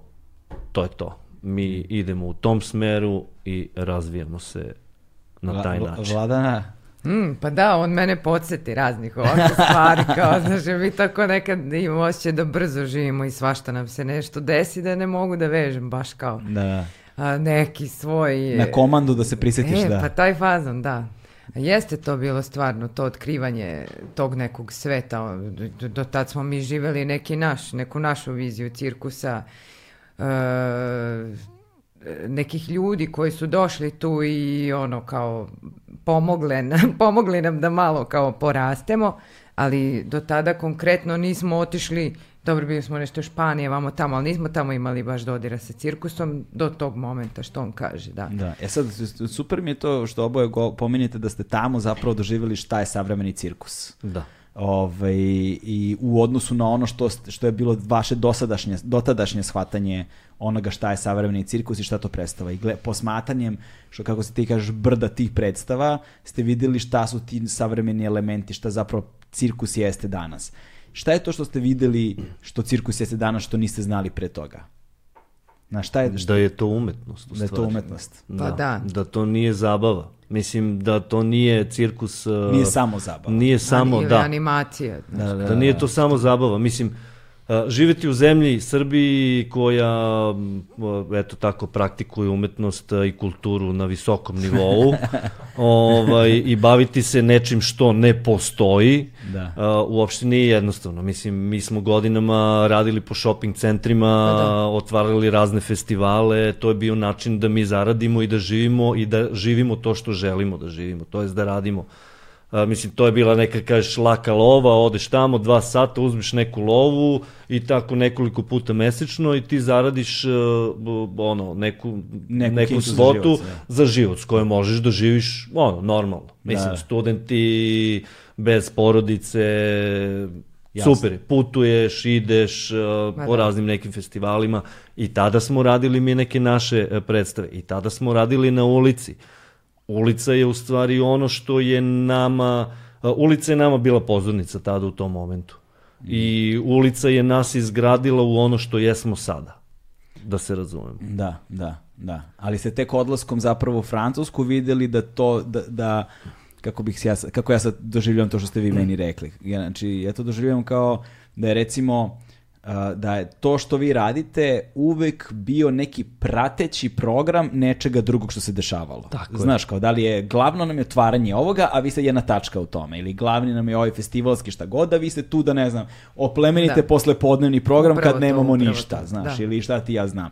Ili, na primer, dešava se nešto, ovamo je, ne znam, ono, ovamo animirate decu dok, ne znam, roditelji ovo, ili šta god, razumeš, dečiji rođendani, na primer, to je za klovnove specifično je, i tako dalje. Ovaj, i, da, I da je to negde vrhunac uh, onoga kako vas doživljavaju u sredini u kojoj se nalazite. Znaš, pa to, da, to je ono što upravo to, to. to je ono kako smo počeli razgovor, kako ljudi kol, kolokvijalno doživljavaju šta znači upravo biti klovan, znaš. Upravo to. Ovaj da da to nije nekako nikakva visoka umetnost, da to nije nikakva ne znam šta veština, nego eto, znaš, kao svako ono ostao si bez posla ide radi neki deči rođendan, znaš, i šta god. Da, da, da. Razumeš da da da, da, da dakle postoji ogroman jaz između kolokvijalnog razumevanja šta je to i šta to zapravo jeste. I da je ta i da je da ste vi zapravo se Kako suočili ne, da. negde sa tim jazom kada ste otišli tamo i shvatili čekaj o čemu se mi bavimo. Postoje ljudi u svetu koji ozbiljno cene, poštuju i bave pa se da, ovime. da, nije omalovažavanje. Mislim, taj da. odnos, mene to uvek nerviralo u tim poslovima, taj odnos poslodavca i tebe koji si ti, eh, koji, koji, koji radiš tamo. Mm. E, idi tamo, evo imaš ovu, e, evo tu, tu neku, nešto, tu presvuci se malo, tu idi samo malo, malo bacaj to, malo bacaj to okolo, tu. A malo bacaj to jedno sat vremena, sat vremena, pa, pa se vrati fuck off. I da, da, jasno, u suštini jasno. nakon toga smo odlučili da se posvetite se posvetimo tome i da se posvetimo tome ozbiljno i da batalimo sve ovo iako je izvor mm. prihoda, nekako smo isekli mm. i rekli ok, onda smo ušli u projektne varijante. Da. Uh, i onda smo preko projekata krenuli da, da razvijamo e. sistemski u stvari. E, sad, to, je, sad, to, je, to je ono što me zaista zanima velikim delom, zato što počinjati nešto tamo gde toga uopšte nema, što znači ne postoji nikakav ekosistem razvijen, ne postoji nikakvi industrijski standardi, ne postoji nikakva ono standardizacija edukacije, znaš, ono, znači prvo prvo širenje informacija i znanja, pa onda kroz tu informacije i znanje sticati nekakve sledbenike koji će onda da se edukuju, koji će onda da proizvedu nekakvu produkciju koja će onda da se prikazuje ljudima, da se zatvori taj krug preko kojih će opet doći neki novi, znaš. Da. da se stvori nekakav ekosistem u kojem kada se taj krug napravi, pa onda on treba da funkcioniše neko vreme da bi se izgradila nekakva baza publike, da kažemo. Ovaj, I sad to je, to je tema koja me zanima, ali pre toga bih voleo samo, pošto ste pomenuli, ulica vas je izgradila. I onda kada smo se videli prošli put, pričali smo u ulici, što je meni zapravo bilo fascinantno jer uh, ulični deo cirkuske umetnosti je kategorija za sebe, koliko sam razumeo, i da se on posebno neguje u određenim delovima sveta. I kao sedim tako ja sa njih dvoje i oni mi kažu, a kao, znaš, uh, uh, Latinska Amerika, oni drže semafore. znaš, kao to je ono... znaš, mislim, razumeš, ta rečenica mi je bila kao, wow, kao ono, samo mi se lampica uključila da zapravo postoje uh, fenomenološki segmenti uh, cirkusa koji funkcionišu kroz određene društvene tradicije na neki način. Kao, okay. Najzajebaniji ulični umetnici na semaforima su zapravo latinoamerikanci, je li tako? Tako je, da. Mislim, recite mi više o. Pa Otkud pa- to? Kako oni? Šta se tu desilo? Pa mislim, to zavisi od socijalne, mm -hmm. kako kažem, sta, pa socijalnog da, statusa. Da, da, da. da. To je tamo njima, ja mislim, beg od e, to kao siromaštva ili Tako je. možda to neke droge, nekih, e, fa, znaš, ono, to, Pa možda, to možda korespondira sa onim posle drugog svjetskog rata, dakle, rušenjem tog traje klasičnog pozorišta, svetskom krizom, jer rat je ipak bio Da, da, svetski, da, da, da, te? da. I onda nekako da je ta ulična umetnost, to si ti pominjao, i nikla zapravo u tom periodu. Mislim, ja sam preletao preko istorije, ima tu puno, puno nekih bitnih momenta, ali Pa reci. to, to ćemo, mislim, Da, da. To može naširok, knjizi. to, to ćemo u knjizi, poslaću te knjigu kada budemo. ovaj. A ne, ovo, ovo treba da bude umesto knjige za mnoge, znaš, samo ti slobodno pomeni. Ove, ali što se tiče to, latinoamerikanaca, oni imaju tradiciju uh, cirkusa uh, i tamo je socijalni uh, status uh, žonglera uh, baš taj, ulica. Oni su na ulici. To je jedini vid, mislim jedini, to, to im je vid, vid uh, zarade i vid bega od uh, uh, situacije u kojoj se nalaze. Uh, I mnogi od njih uh, to rade i mnogi od njih uh, žongliraju i zarađuju na ulici. Zadnjih nekoliko, mislim, ta, to semafori i latino, latinoamerikanci, to je tamo nastalo, to su oni izmislili.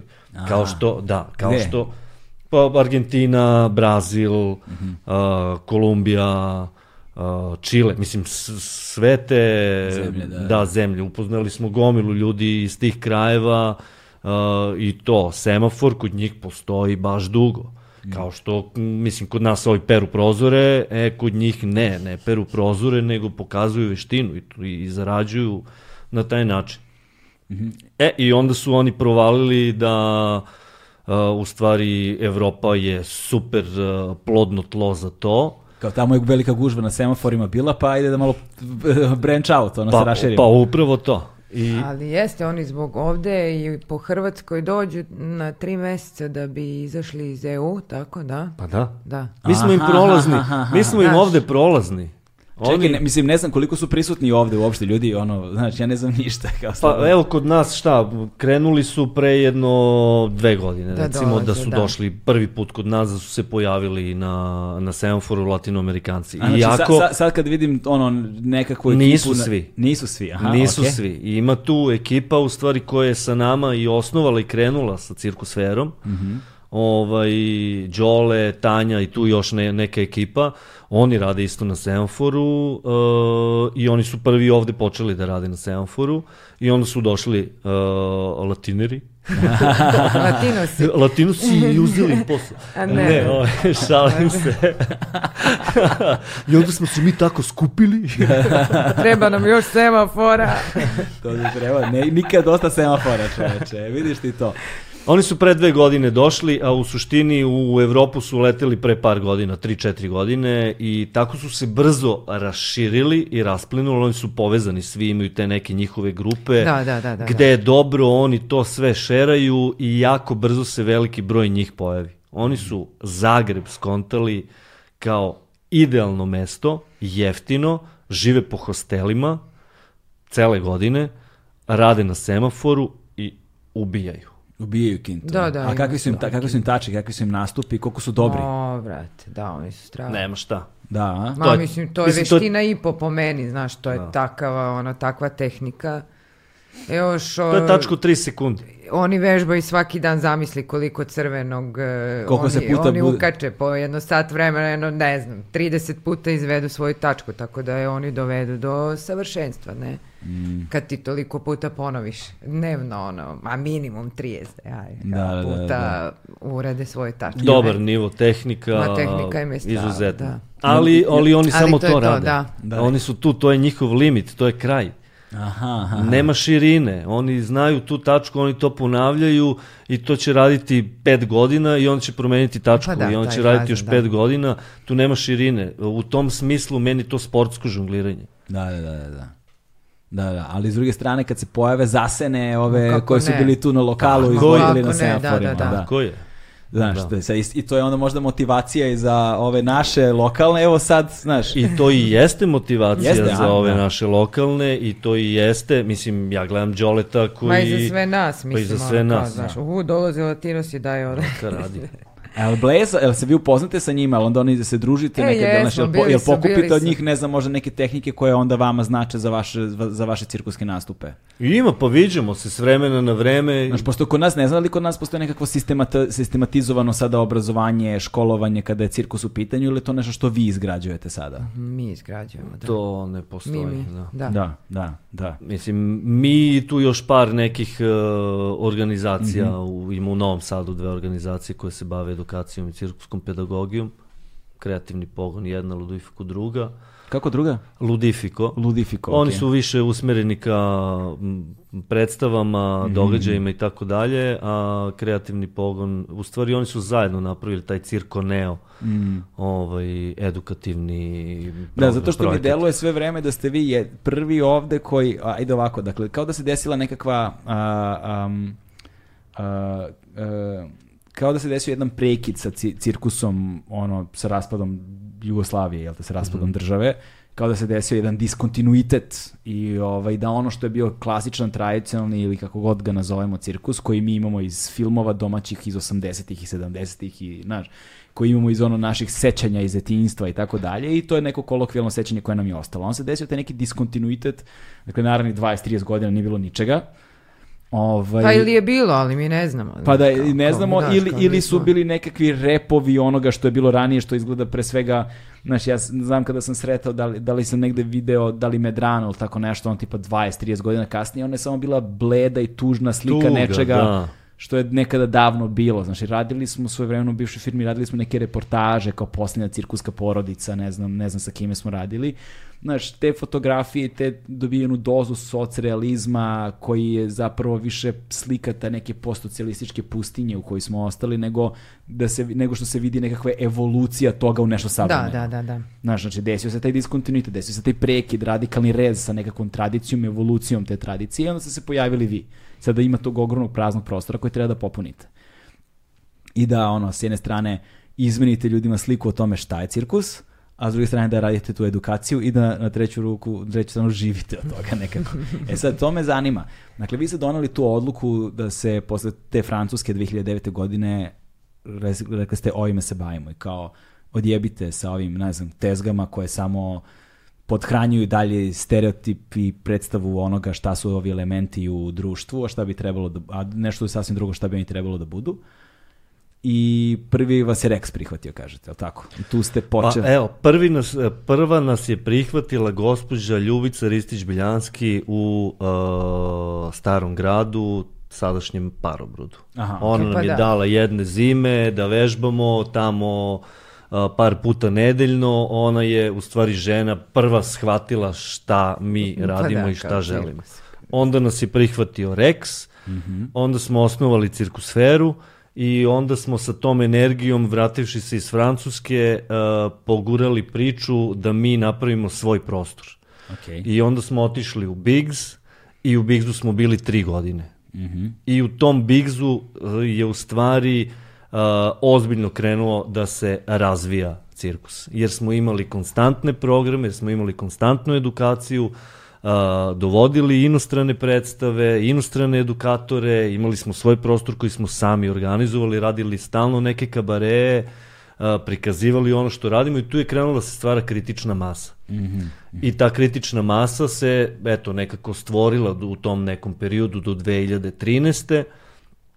I 2013. smo odlučili da a, pokrenemo festival. I to ne kakav festival, nego festival u cirkuskom šatoru. Da povežemo tradiciju i a, savremenu notu, da kažem. A, upoznavši neke Francuze, a, jednu curu i, i jednog dečka, oni su imali cirkuski šator, a, mi veliku želju da nešto uradimo, oni veliki entuzijazam za rad u našim krajevima i mi pokrenemo 2013. godine a, festival Cirko Balkana zajedno sa a, još jednom ekipom sa kojom smo a, bukvalno od starta u cirkusu, a, Nikola i Jadranka, ovaj, pokrenemo festival Mhm. Vi, Cirko Balkana. a, šator je tema za sebe, čini mi se. Potpuno za sebe.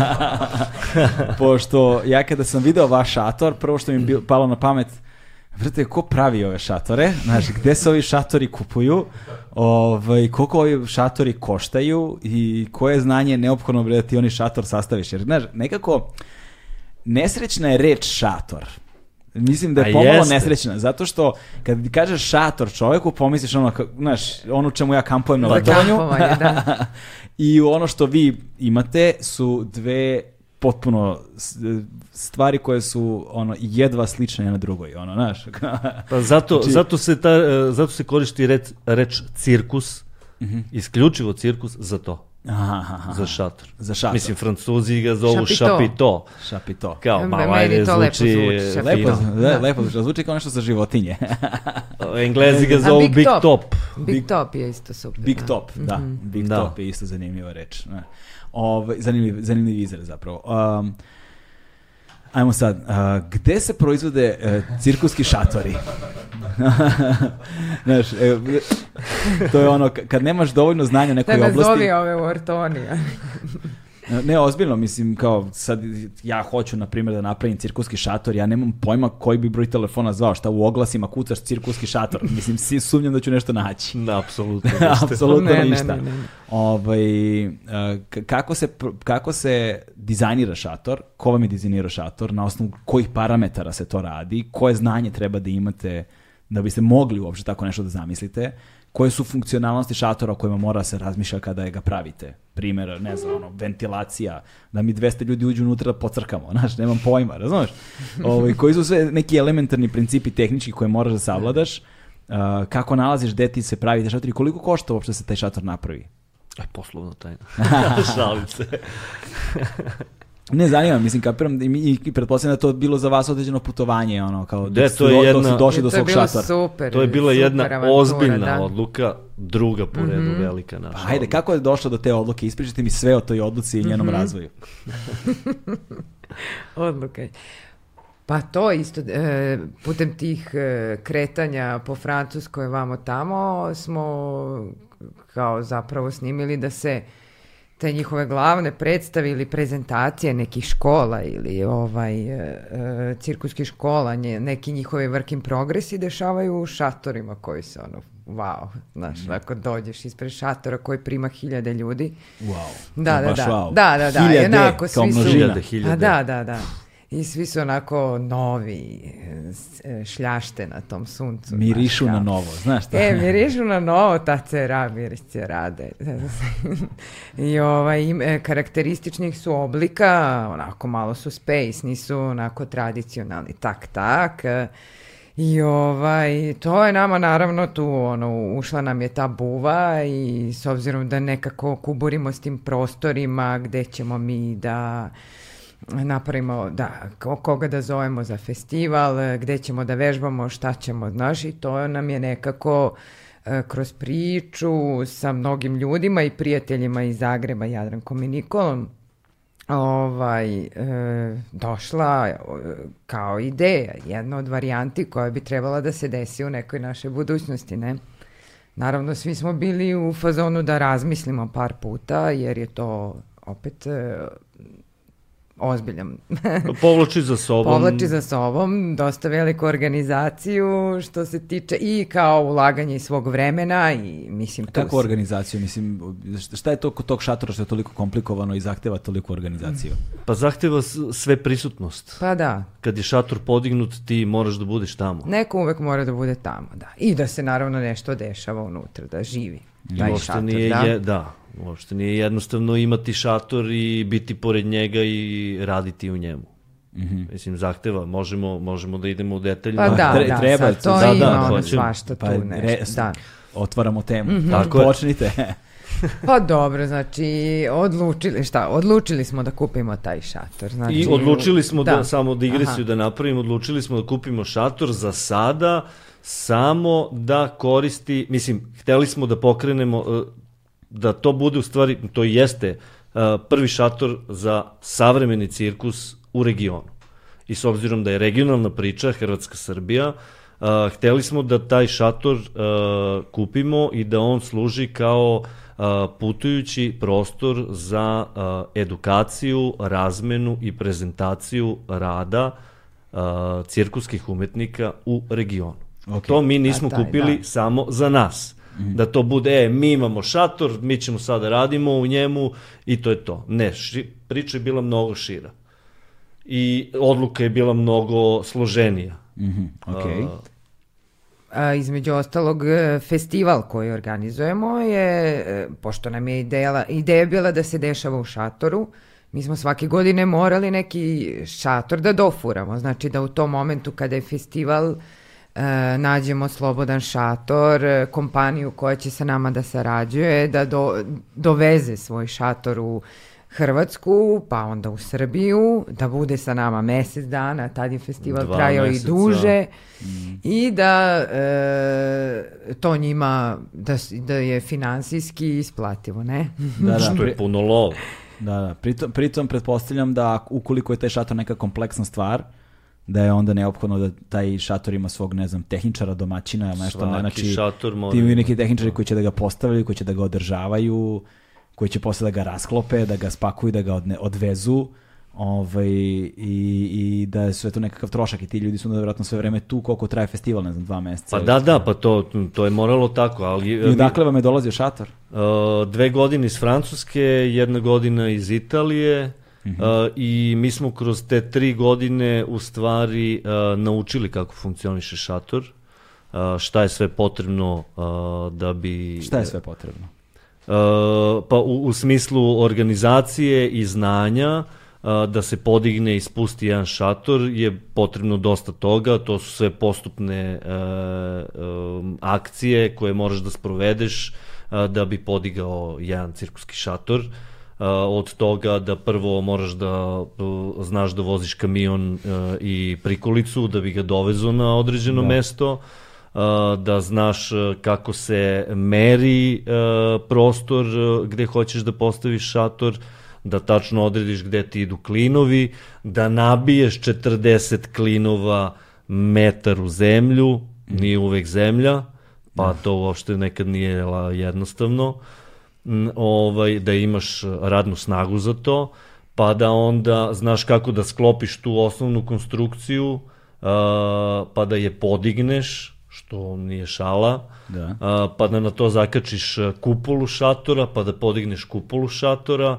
pa da onda instaliraš zidove i apsidu, pa da unutra instaliraš tribine i stage, pa da na sve to instaliraš tehniku, svetlo, uh, sound i tako dalje, režiju, ovaj, i da kažeš možemo da krenemo. Da. E sada, kada postaviš sve to, video sam ja kod vas vi okolo imate onda neke kampere, ono kombije i sve, i još jedan šator pored sa ono kuhinjom, cateringom i vi zapravo tu živite. Da, Mislim, ne, ne, Da, ne znaš da, da. jel stvarno Tako je. kao, zapravo tu provodite, ono, spavate tu. Mi Ovaj, ka- zapravo zadnjih nekoliko godina, šest meseci, kad smo na turneji, kad smo sa šatorom, smo u kamp kućici. Sa A naše- ovde u Beogradu? Tu Pa smo bili svo vreme, evo. od septembra do, eto, pre dve nedelje. Do kraja oktobra Da. smo bili sve vreme pored šatora. Niste išli kući da spavate? Pa ponekad, da. Ponekad, da. Zbog klinaca, Pa, da. evo ja jedno. Da, on je stvarno, ono, Ovaj, e sada, i kao, e, dovlačili su vam šator, ono, iz, deo iz Francuske dve godine, pa jedne godine iz Italije, kako Tako si je. pomenuo, i ovaj, vi rešite, dosta smo mi plaćali drugi da nam dolače šator, hoćemo mi svoj šator. I? I onda zavučemo ruku u džep i kažemo, ups. u, Miša ti poljubim, pa to košta, a? Koliko košta šator, ono, recimo poput šatora koji vi imate, ili tako nešto? Pa, ako, uopšte, ako, je to, ako, ako nije tajna. Pa tipa sa, sa svom tehnikom uh, i a samo, vozi... a moje, nemoj Samo, sve. dobro, Može samo cirada i samo, samo cirada, pošto smo mi dosta toga sami izrađivali. Aha, aha, pošto okej. mi, pored toga što smo cir- cirkuski umetnici, smo i tehničari, a isto tako i varioci i sve ostalo. Mehaničari. Ovaj, mehaničari, e, pa smo mi napravili sebi e, i tribine, i stage, e, glavne stubove Da, da, da. e, i tako dalje. E, ali sama cirada i glavna konstrukcija košta 25.000 evra. Uje, da, tako da nije to mala investicija.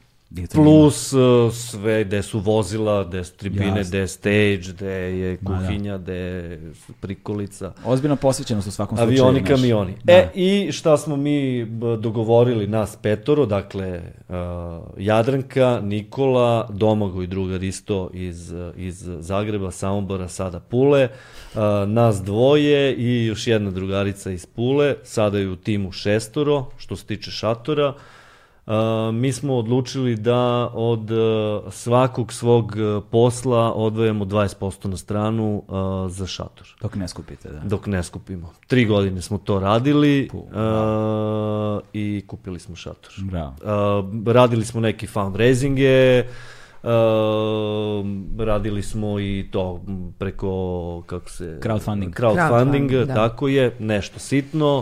Uh, i, Ali bitno. I nešto projektno, tako da je bilo sa svih strana, uh, ali mislim- glavni deo je bila naša Da. investicija. Pa mislim, ok, projektno, projektno je uvek ok kada vide da si ti sam rešio da, ja- da se vi sami rešili da investirate i onda je to uvek nekako se pogura malo lakše, ali opet baviti se, baviti se tim projektima, ljudi koji se nisu bavili projekt, Da, da, da, da, projekata da, da. i pravdanjem sredstava za projekte stvarno ne znaju koja je to muka.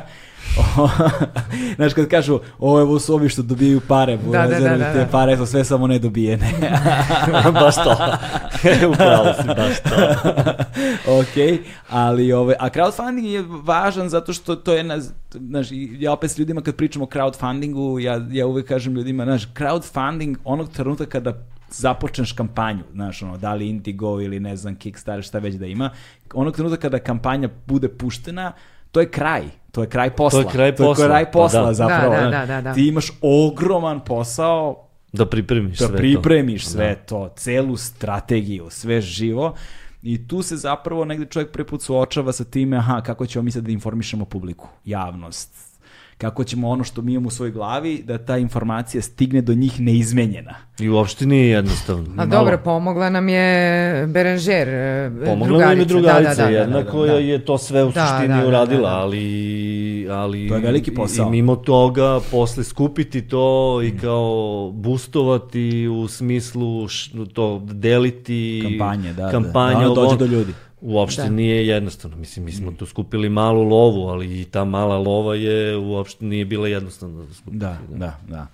Ovaj, I na, gde, ste, gde ste, ko vam je izradio šator, gde ste ga radili? Mislim, ne, ne mora konkretno ime firme, nego me zanima, ste ga u Srbiji radili? Ne, Ma ne, jo. nema. Pa to, zato pitam, znaš, ne znam. A mislim, pazi, To su možda specijal- bi, to su a ne specijal- bi me čudilo da može, mislim, ono, da stvarno možeš da odeš negde u Srbiju, neku firmu da ti naprave. Pa Mislim, siguran sam da svašta- može ukoliko imaju nacrt. Da, Da, nekakve da, da, specifike, da. i možda mašine isto da, Da. su To, neophodne. to je plastika. Mislim, Da. da. Pa ukoliko jeste, ali op- imaju određenu plastiku, pošto je to drugačija plastika od ovih cerada koje se koriste za, za kamione, za prikolice i Da, tako da. dalje. To, To je ozbiljno- dupla.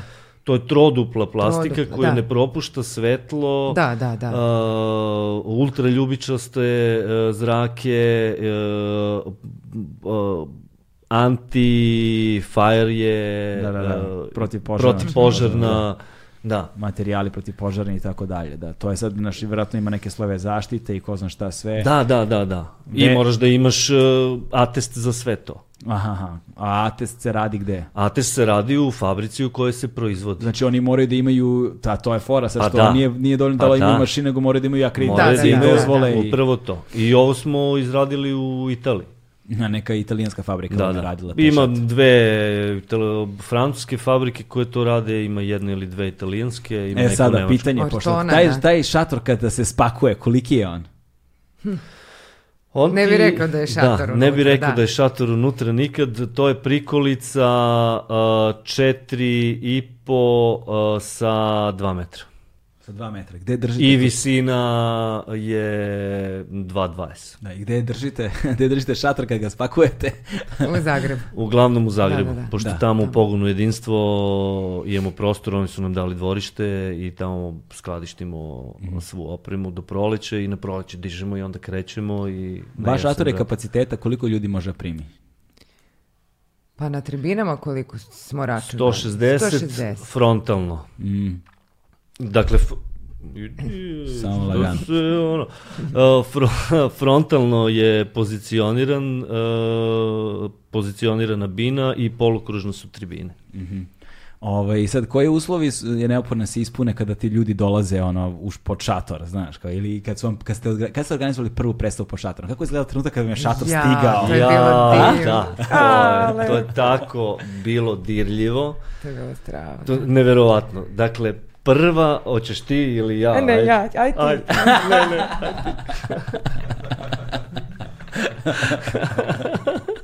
Pričaj, pričaj, aj. Uh, mi, smo, mi smo dobili šator u Paramparčad, raskupljen potpuno. Kada je to Ko bilo? iz Ikea? To je bilo 2017. godine. 2017. godine stiže iz Italije. Stiže, ne stiže, mi odlazimo u Italiju, bo- dovezemo šator u Pulu. Ok. Uh, Muntić, selo pored, Pored Pule, Pule, uh, pored aerodroma. Uh, I tu trebamo da složimo Lego kockicu. Drugar koji nam je dizajnirao šator je italijan, uh, jako smo dobri drugari, njegov šator je bio ovaj italijanski koji je dolazio tu. Aha. Uh, I veče pre nego što smo došli, mi smo sedeli celu noć kod njega kući i on je ovako crtao sve do detalja, šta, kako, gde, objašnjavao kako da ga mi sklopimo, pošto on nije mogao da bude tu. Ok, dođemo mi tamo, sklopimo taj šator nekako, na jedvite jade, naravno video kolovi, Da. sve to, gledaj, mrda, pada, šta ćemo, joj, frka. Da. Super ga sklopimo, podignemo ga i uh, tim koji uh, Cirko Balkana tim ime naziv je i festivala taj i celo, cele, celo, celo kolektiva koji je oko šatora uh, smo imali predstavu Cirko Balkana House Cabaret uh, koja je onako jedna od najuspešnijih cirkuskih predstava u regionu izveli smo je preko oko 50 puta, Mode. što blizu je... Sto, e, blizu sto. A, mislim 150 puta. o, Samo sipaj, kućo. Ovaj, I e, hteli smo da za otvaranje izvedemo tu predstavu tamo. E, nazvali smo kampanja Cirkus, e, jer je kampanja na italijanskom kao e, to posed, e, njiva, njiva u stvari, jer to i jeste bilo na njivi. Ceo šator je sklopljen tamo na njivi.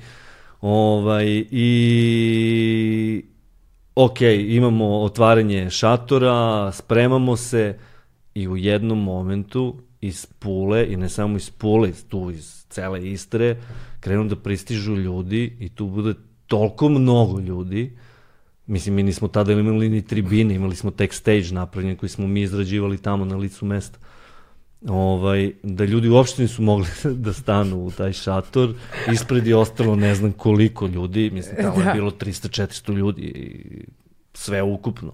Deca, svi, mi, ono, izbezumljeni, puni emocija, odigramo ovaj predstavu, damo sve od sebe ljudi, ono, priča se i dan danas u Puli o toj predstavi o šatoru na kampanji i tako dalje i tako dalje. Mm. Kako je izgledao prvi trenutak kad ste zapravo sklopili, završili šator, stali, pogledali ga i bili u fazonu? Ovo je smo. Neverovatno. Ja sam izlazila, ono, slikala ga noću uz mesec, znaš, pa onda kao jednom neke munje se pojavljaju, pa joj slikam šator sa kao, Koliko fotografija šatora si napravila? jo, mnogo. Pa mislim, Znaš, znaš, si uramila barem jednu. je. E, imamo, imamo, da. Više, da. Znaš, kad nešto voliš i nešto stvarno želiš i to ti se ostvari, to je bio jedan od, da kažeš, nekih naših snova, kao mi tu, Da, da, ono, da, da, uličari, je- da kažem, Da. imamo šator naš gde možemo sada stvaramo, radimo, širimo cirkus, eh, baš je emotivno bilo jako. Da, da. I, ovaj, I sada prvi put imate ono, 2017. godina, imate već nekog iskustva, imate određeno znanje, povezali ste se međunarodno dobro sa ljudima iz različitih zemalja gde je razvijen cirkus kao umetnost, a, oformili ste trupu svoju a, a, i napravili, napravili ste sopstveni šator. I sada ste ono, postali legit je. Znaš, pa to je to, da, da, da. čoveče. Znaš, sad, ste, znaš, sad nema šale, sad možemo kažemo imamo ozbiljne cirkuske umetnike u Srbiji. Ovaj, ali se sve dešava u Hrvatskoj, čini mi se, znaš, u, u tom trenutku, a? Nije. Nije? Nije. Mislim, Mislim, Pula, Zagreb, sve je, znaš, kao... pa, nama je Pula uh, letnja, letnja baza. Aha, letnja baza vam je tamo, da, okej. pošto mi u Puli, mislim, ajde sad zadnje dve godine i ne toliko zbog uh, cele situacije sa koronom, uh, inače mi u Puli za dva meseca uh, zaradimo za narednih 7 meseci. Aha, da, da, to- Izvodimo tu neku našu predstavu, Zimnica, da. da, i onda mi tamo radimo i budemo tamo i onda se tamo dosta toga dešava. Inače je pola, pola Hrvatska, pola Srbija, Okej, da. svih ovih godina. Na u vezi sa time sad prirodno se povlači pitanje kakva je regionalna u kontekstu bivše republike, bivše države Jugoslavije, jel te cirkuska ono, scena, znači, pored vas koliko još ima i da li ima još nekih drugih ozbiljnih Pretpostavljam da Slovenci imaju, oni, Ima, ima, oni sve da. imaju. Znaš, O, da, da, o Slovenci. Ovi Slovenci nikad manje Znači, ljudi sve Slovenci imaju. imaju, jebote. da. Mi imamo, imamo. Pa mi smo po meni lično e, najslabija karika u regionu. Srbija. Srbija. Da, što Mm. se tiče e, cirkusa, ali orijentisano Ali na tamo gde ga umetnost. ima. Tamo Ali gde tamo da ga ima. Da, da. Ima gde ga nema. Ima da ga nema. A kako nema da nema?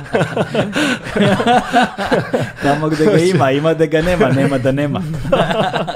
Znači, kažem, u Makedoniji nema nikakve scene, A u kako Bosni nema? nema Pa tamo je nikakve bio scene. ovaj street art, kako se zove? Basker, Basker Fest. Fest, ali ga Oni više, su više nema, tamo nema nikog. kao ulica varijanta. Oni su kao latinoamerikanci. Taj stajla. Trgovi, semafori. Ali ima, ima umetnosti te. Samo u nekom drugom obliku. E, pa da, BiH, Crna Gora, kakva je situacija tamo? slabo. Crna Gora nemam pojma. Crna Gora nema ništa. Dakle, Crna Gora nema ništa, imaju Fiat Ma festival siguran? gde... Ma uvek mi naiđemo na Crna tako neke... Gora ima uh, jednu uh, cirkusku grupu koja je deo katoličke crkve Uje. i oni rade Da, da. neku edukaciju. To se pojavilo i u, uh, kao fenomen, se pojavio i u Sloveniji i oni rade uglavnom to cirkusku pedagogiju. Šta znači rade? cirkuska pedagogija? Cirkuska pedagogija znači edukacija uh, u cirkusu. Pa To jest podučavanje, podučavanje. ne, kao ti dođeš kod mene na časove da te učim e, cirkuskim veštinama, žongliranje da ti Aha, olakšam okej. način učenja, da, Da. kao školice. Dobro. U Bosni nema ni jedna grupa, možda ima po neki pojedinac, u Banja Luci je bilo nek, u nekim momentima uh, njih par, a, bio je jedan super žongler tamo u Banja Luci, izgubio mu se trag. Uh, dakle, Crna Gora ništa, Makedonija je imala Basker Fest uh, sada i, i mislim oni su isto shopping centar uh, varijanta i tako dalje. Od umetnosti ja ne znam da postoji išta. Uh, u Srbiji eto ima uh, te dve organizacije koje sam malo prepomenuo u Novom Sadu i Cirkusfera uh, ovde i uh, još jedna Inex Cirkus Teatar koji u stvari Pa, da. uh, deo cirkusfere jer smo se mi malo ovaj, podelili. E, to je deo Inex filma tamo što je Tako bio je, to, tako Da, je, da, da, e, da, da, tamo okej, su okej. oni, tamo su oni krenuli i dalje rade i mislim družimo se super sve, samo imamo drugačije smerove. Jasno, u, da. u, u razvoju i radu.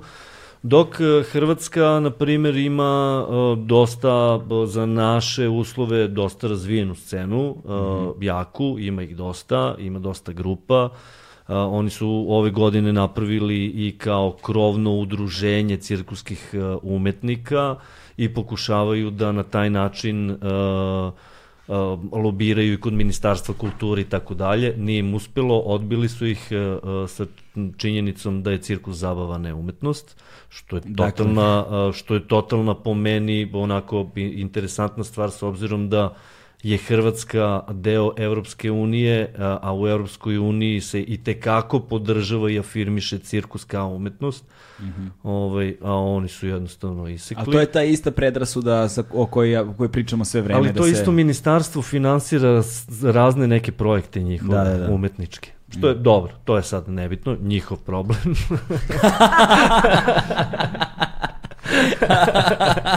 Nemoj tako je. Toliko o solidarnosti. pa imamo mi isti taj problem Da, i da. ovde kod nas. To, je kao, to je kao kad smo radili ovaj, uh, u prošloj firmi, uh, nešto je bilo sa ovom malom Greton Thunberg, je bila kao neka, Aha, e, kao globalna kampanja je bila oko, jel te, očuvanja životne sredine i tih protesta koji su dešavali u to vreme i sve ove zapadne razvijene zemlje su imale sjajne rezultate u toj kampanji, samo mi ove zemlje istočnog bloka ništa, znaš, ono, Rumu, Rumu, da. Rumunija, Bugarska, Srbija, nuš ništa, znaš, i onda smo imali neki kao conference call, znaš, sa kao centralom koja je bila u fazonu, vidi rezultate ovde, vidi rezultate, vidi rezultate, kako bre vi ništa. Kao šta, da. Javlja se kolega iz Rumunije koji je bio u fazonu, oh, because we have real problems. yes. What is this uh, you're talking about? imamo, imamo mi druge We don't have what to eat. imamo mi druge probleme, mnogo preče, znaš. To, Tako da to je, to je tragedija zapravo ovaj, sredine, Da. sre- sredina u kojima živimo svi mi Jeste. ovaj, već godinama unazad, ali kažem, zato, je, me, zato mi je ova priča fascinantna, znaš, zato što ona nekako uh, jednostavno je govoriti o cirkusu u Francuskoj. Upravo Znaš, to. jednostavno je govoriti o cirkusu u Italiji, u, u Rusiji, u Engleskoj, u, u Kanadi, u Sjednjim američkim državama, znaš, ono, tu već možemo idemo u ezoterije koje kakve. Pa baš to, zato što imaju sistemsku podršku. Da, a, govoriti mi o cirkuskoj umetnosti ovde, uopšte nije znaš, i jednostavno. sa predstavom koju ljudi o cirkusu imaju, Da. znaš, to je, to je sada sasvim drugačije tema i ono, sve, sve okolnosti menjaju u potpunosti Da, percepciju svega da, toga. da. Tako da eto, i u Hrvatskoj se suočavaju sa istom vrstom I u, u predrasuda. Hrvatskoj se suočavaju sa istom vrstom predrasuda, Mm. pa čak se suočavaju i u Sloveniji, mada oni imaju mnogo, mnogo sistematičnije Da. ovaj, organizovanu I bre, ti Slovenci i uvek su bili drugačiji. I imaju dosta dobre grupe uh, i imaju grupe koje su i eto na nekim u nekim evropskim mrežama uh, umetničkim uh, dobro pozicionirane. Ovaj mislim i mi smo i mi smo deo najveće uh, cirkuske mreže na svetu Cirkus Strada Network koja radi iz Pariza. Mi smo deo takođe Cirkus Nexta, to je platforma za razvoj cirkuske mladih uh, i inovativnih cirkuskih umetnika već četiri godine. A, dovodimo, istražujemo, selektiramo a, iz regiona umetnike, šaljemo tamo, a, radimo edukaciju. Dakle, mi jesmo ušli u taj neki a, krug, ali najmanje smo prepoznati ovde. Da, da, da. Namjerno ste prepoznati u sopstvenoj zemlji. Da. Da, da, Znaš, da. veliki je- Pogotovo festival, da. Da, veliki je broj, veliki je broj umetnika sa kojima sam razgovarao koji se nalaze u sličnoj poziciji. Pa da, ba to je, to je apsolutno jasno. Evo recimo baš Nema sam pričao, baš sam pričao sa kime skoro sa sa uh, uh, sa Andrijom i Sonjom LP Duo. Aha. Znaš, ne, recimo oni su Da, da. međunarodno priznati. Pa da. Njihova publika je mahom inostrana. Znaš, i, i vrlo često se dešava da za mnoge naše ljude da je neophodno prvo da ih priznaju u inostranstvu da, bi bili priznati u sopstvenoj zemlji. Znaš, jer kao da nemamo parametre da procenimo da li su nam pojedini građani dovoljno kvalitetni ili ne, nego ih pošaljemo negde i da vidimo da će tamo da se primi, pa ako se primi onda su nam super, znaš. Ali to je posebna Pa da, boljka. to je posebna boljka. To je posebna ta, boljka. ta neka priča je i kod nas Da. da. trenutno i što se tiče cirkusa, mislim da nema Francuza ovde kod nas koji guraju tu priču jako, jer oni stvarno ulažu u taj cirkus i stvarno ga razvijaju i stvarno žele i da se i ovde razvije sve to, da nema njih, e, puno toga se ne bi ni desilo. Mislim, jeste da Ministarstvo kulture finansira određene stvari, mislim, sve su to svote jako male za to što je potrebno. I grad Beograd, ponekad, Da. ali baš ponekad. E, A, ali... ali ide, ide na bolje, ali ide na bolje. da, ali to su neki koraci, znaš, pre 10 godina je bilo ništa, sad više nije ništa. Tako je. Znaš, Da. tako da, ovaj, kako, ka, tako da, znaš, kako kaže ovaj album Oasisa, We Stand on the Shoulders of Giants. Pa da. Znaš, tako e, pa da kad on- smo baš kod toga, mislim, mi smo deo Bite festivala zadnje četiri godine, Mm. kao prateći program Bite festivala i to, we stand on the shoulders of giants. Da, da, da. A, u, u smislu da e, i oni nama a, služe kao mediji da to se Da. plasira. Da, da, da. Ove, e sad kako, uh, um, ono što, e, ajde ovako, A, koji su, ako bi ljudi sad želeli, na primjer, da saznaju više, ok, o vama, vaš je da progledaju, ali ako bi neko, nekome sad rekao, kada biste prezentovali savremeni cirkus nekome i rekli, slušaj, brate, googlaj ovo, pogledaj ovo kako izgleda, to ti je ono, sada vrhunac, onoga što se dešava u svetu cirkuske umetnosti. Koji su trenutno vodeći uh, svetski cirkusi? Pretpostavljam da Cir Cirque du Soleil ono, kao tu broj jedan verovatno, ne znam, možda ima neki drugih, ali siguran sam, pošto oni su mainstream, ali siguran sam da ima i nekih drugih manjih uh, indie, ono što bi rekli ljudi, znaš, kao trupa koje, koje, koje, koje su dosta kreativne, čiji autorski izraz je snažan, šta je ono što ih izdvaja, šta je ono u kom smeru ide cirkus danas, ovaj, šta je to na što se vi ugledate i šta je to što vi pokušavate da postignete? Znaš, šta bi, šta, koji su vama recimo trenutno najdi, šta, šta je to kad vi sednete gledate, šta vi gledate? Evo, zadnjih par dana smo istraživali u stvari početak savremenog cirkusa uh, u Evropi i pogledali smo neverovatnu predstavu Art House uh, uh, grupe iz Francuske. Kompanije, da. Uh, oni su Kako se piše? R-C-H-A-O-S. A, ok, Art House. Uh, Metal Clown se zove predstava. Oni su prvi uh, napravili uh, spektakl uh, u tom smislu uh, da su uh, Iz koje godine je ta predstava? Da li si- 91. Jesi Siguran? Da, da, Nije tako ranije? nešto. Nije. 90? 90. 90. Uh, baš ću ovde da vidim, imam nešto. Me, skripte pa. Nema je, Puškic. Ne, ne, pa pa, je, ko će se setiti svih grupa, ej. Ali svakako, Arhaus uh, Metal Clown uh, 90. godina su krenuli, oni su, uh, uh, kažu da su uh, njima konji bili motori, uh, imali su ogromne kamione, napravili su neke velike konstrukcije za letići trapez, uh, uh, u cirkus su bacili uh, breakdance, uh, ples, uh, uh, ubacili su kapueru, uh, izmiksali su sa uh, uličnom uh, umetnošću u smislu uh, sa street artom uh, skejtere, uh, uh, kako se zovu, uh, BMX uh, Bandite. vozače i tako dalje, BMX bandite. BMX banditi, jo, bože, ono, koje si ti boja bila?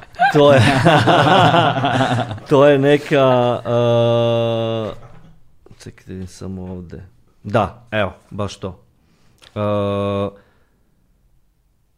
mi smo, mi smo zadnjih par godina sarađivali sa jednom uh, izuzetnom uh, grupom, uh, Un Loop pour l'Homme, uh, francuskom grupom, koja je u tom umetničkom, da kažem, umetničkom cirkusu dosta dobro pozicionirana i uglavnom zadnjih godina pratimo dosta francusku scenu.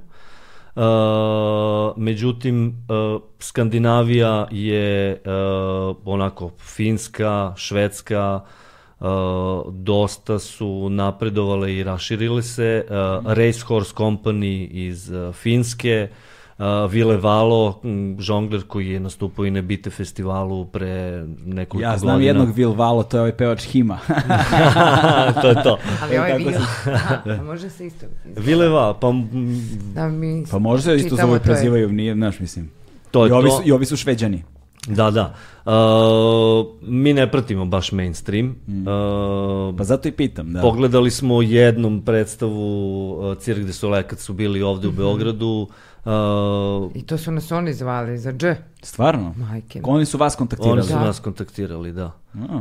Kao, e, vi ste cirkuska trupa tu, da li biste želeli da dođete, Sjajno. pogledate predstavu. Lepo da. od njih. Oni imaju taj socijalni program jako dobar, uh, svuda u svetu. Uh, rade edukaciju i sa marginalnim grupama i obavezno gde god da dođu se povezuju sa cirkuskim umetnicima. U, sjajno. I to im, je, da. to im je tradicija nekako. Strava, I- strava. Ali, ali oni su malo i mač dve oštrice koliko sam primetio s druge strane. Da. Znaš, kao, znaš, Da, ipak, kad govorimo o autorskim pravima, koreografijama i tako dalje, možemo da Oni uglavnom to. sve otkupljuju, Da. oni otkupe tvoju tačku, ti si njihov, da kažem... Pa da, nema, ne možeš to ono, da izvodiš. Šljaker, tamo Dakle, si dakle, ti i osmisliš radiš. tačku, na primer, i oni otkupe od tebe i ti više ne možeš da izvodiš sopstvenu tačku, nego je to sad njihovo. Da. To je praksa Da. koju oni primenjuju već dugo, koliko sam primetio. I koliko sam shvatila, može neko drugi umjesto tebe da uleti, ako ti izlećeš iz priče i da radi tvoju tačku. Mm, da. Ako je ona, ono, ima neki super momenti gde, znaš, Da, to je, se često i u da. muzici dešava, ista stvar. Da. Ove, ali s druge strane, a, kako vama izgleda ono iz, iz profesionalnog ugla Cirque du Soleil i to što oni rade? Pa pazi, mislim, to su stvarno vrhunski umetnici, ono, da, se razumemo, oni e, zapravo e, okupljaju e, Koliko je teško postati član njihove trupe, jel znate neko? Nije teško. Ma nije teško, Nije ali teško. to njima, je... Oni imaju toliko predstava i njima Da. to umetni, mislim, artisti im baš im trebaju. I stalno traže i, mislim, ti se povrediš, ti si čao. Da. Njima trebaju zamenu, oni, oni paralelno igraju tri predstave na tri kontinenta. Mm. Uh, to je gomila izvođača, to su stotine, stotine Jel, jel neko naš artista. probao da, se- o, jel se neko naš okušao? E, znam za Hrvate, bilo je neki, e, radili su neki casting e, pre par godina, pa išao ovaj Hooper, kako se zove. Jeste, zaboravila sam. jeste, jeste. Išli su, neki naši nisu uspeli, ali znamo neke ljude, tamo Francuze uglavnom, koji su on, radili, nastupali sa njima i kažu da je hardcore varijanta. Šta znači hardcore? Pa hardcore varijanta u tom smislu da mnogo nastupaš, nemaš vremena ni za šta, nemaš svoj život, Mhm. nije baš da je neka kinta, Da. Ovaj, i to je to. I to je kao varijanta u, u, po, njihovim, po njihovoj priči da odeš godinu dana, izoluješ se, ispiglaš svoju tačku, uh, zaradiš neke pare i kažeš to je to. Sad Stavi, s tim sta, parama... staviš da si radio i radila za njih u Pa da, CV. staviš Pa CV, da, da. i to da, isto, da. verovatno. To je posle verovatno, pretpostavljam, važna referenca sutra gde god da Pa odeš. Kako ne? Jer opet, znaš, meni negde, sad kako meni to odzvanja, znaš, ra- rad za velike korporacije, Pa to je to. U, u CV-u, da, u CV-u uh, pretpostavlja kao, znači, da imaš određeni set osobina koje su ljudima neophodne, ono, odgovornost prema radu, Da, da, da. uh, posvećenost radu, uh, određeni talenti koje imaš, koje je neko očigledno prepoznao i, znaš, ta stavka govori puno. E sada, kako se to dalje razvija, to je posebna priča. Ovaj, s druge strane, a, vi kad ste oformili, uh, oformili festival, kako vam je, kako, vam, kako je to išlo? Pošto sad ste imali, mislim, evo, je, ja, ja snimam puno napred, pa nismo stigli da snijemo kada vam je festival bio Da, da, da. ovaj, koji se desio sada u septembru, ali sam video na jelovniku. video sam u sadržaju, dakle, da ima, a, da je da je to ogromna međunarodna saradnja bila i vi ste ovde imali u jednom trenutku trupe iz koliko zemalja? Tri, četiri, tako. Francuzi su bili, italijani Francuzi, su bili. italijani, uh, Gre- Slovenci, Grci. Grci, uh, Hrvati, Da, To je to. to je to. to je to. ovog puta. Inače, dosta često sarađujemo sa Špancima, a, Belgijanci, a, nekad Skandinavci, Finci, Da. Šveđani. E sad, da bismo stigli uopšte do festivala i do, do svega, prvo da se vratimo šatoru. I sada šator stiže u Beograd. Nisam ti rekao grupe, ali nema veze, reći ću ti posle. Kakve grupe? Pa koje si me pitao koje su koje bi ti grupe preporučio A, to, ajde, ljudima reci, reci, da, reci. da pogledaju, Da, evo da reci. pročitam. Rekao Ajde, ajde. Pusti me kad si me već pitao. Ajde, ajde, pročitaj. E sad ne znam ni gde sam. Ajde, pronađi polako, ne žurimo nigde.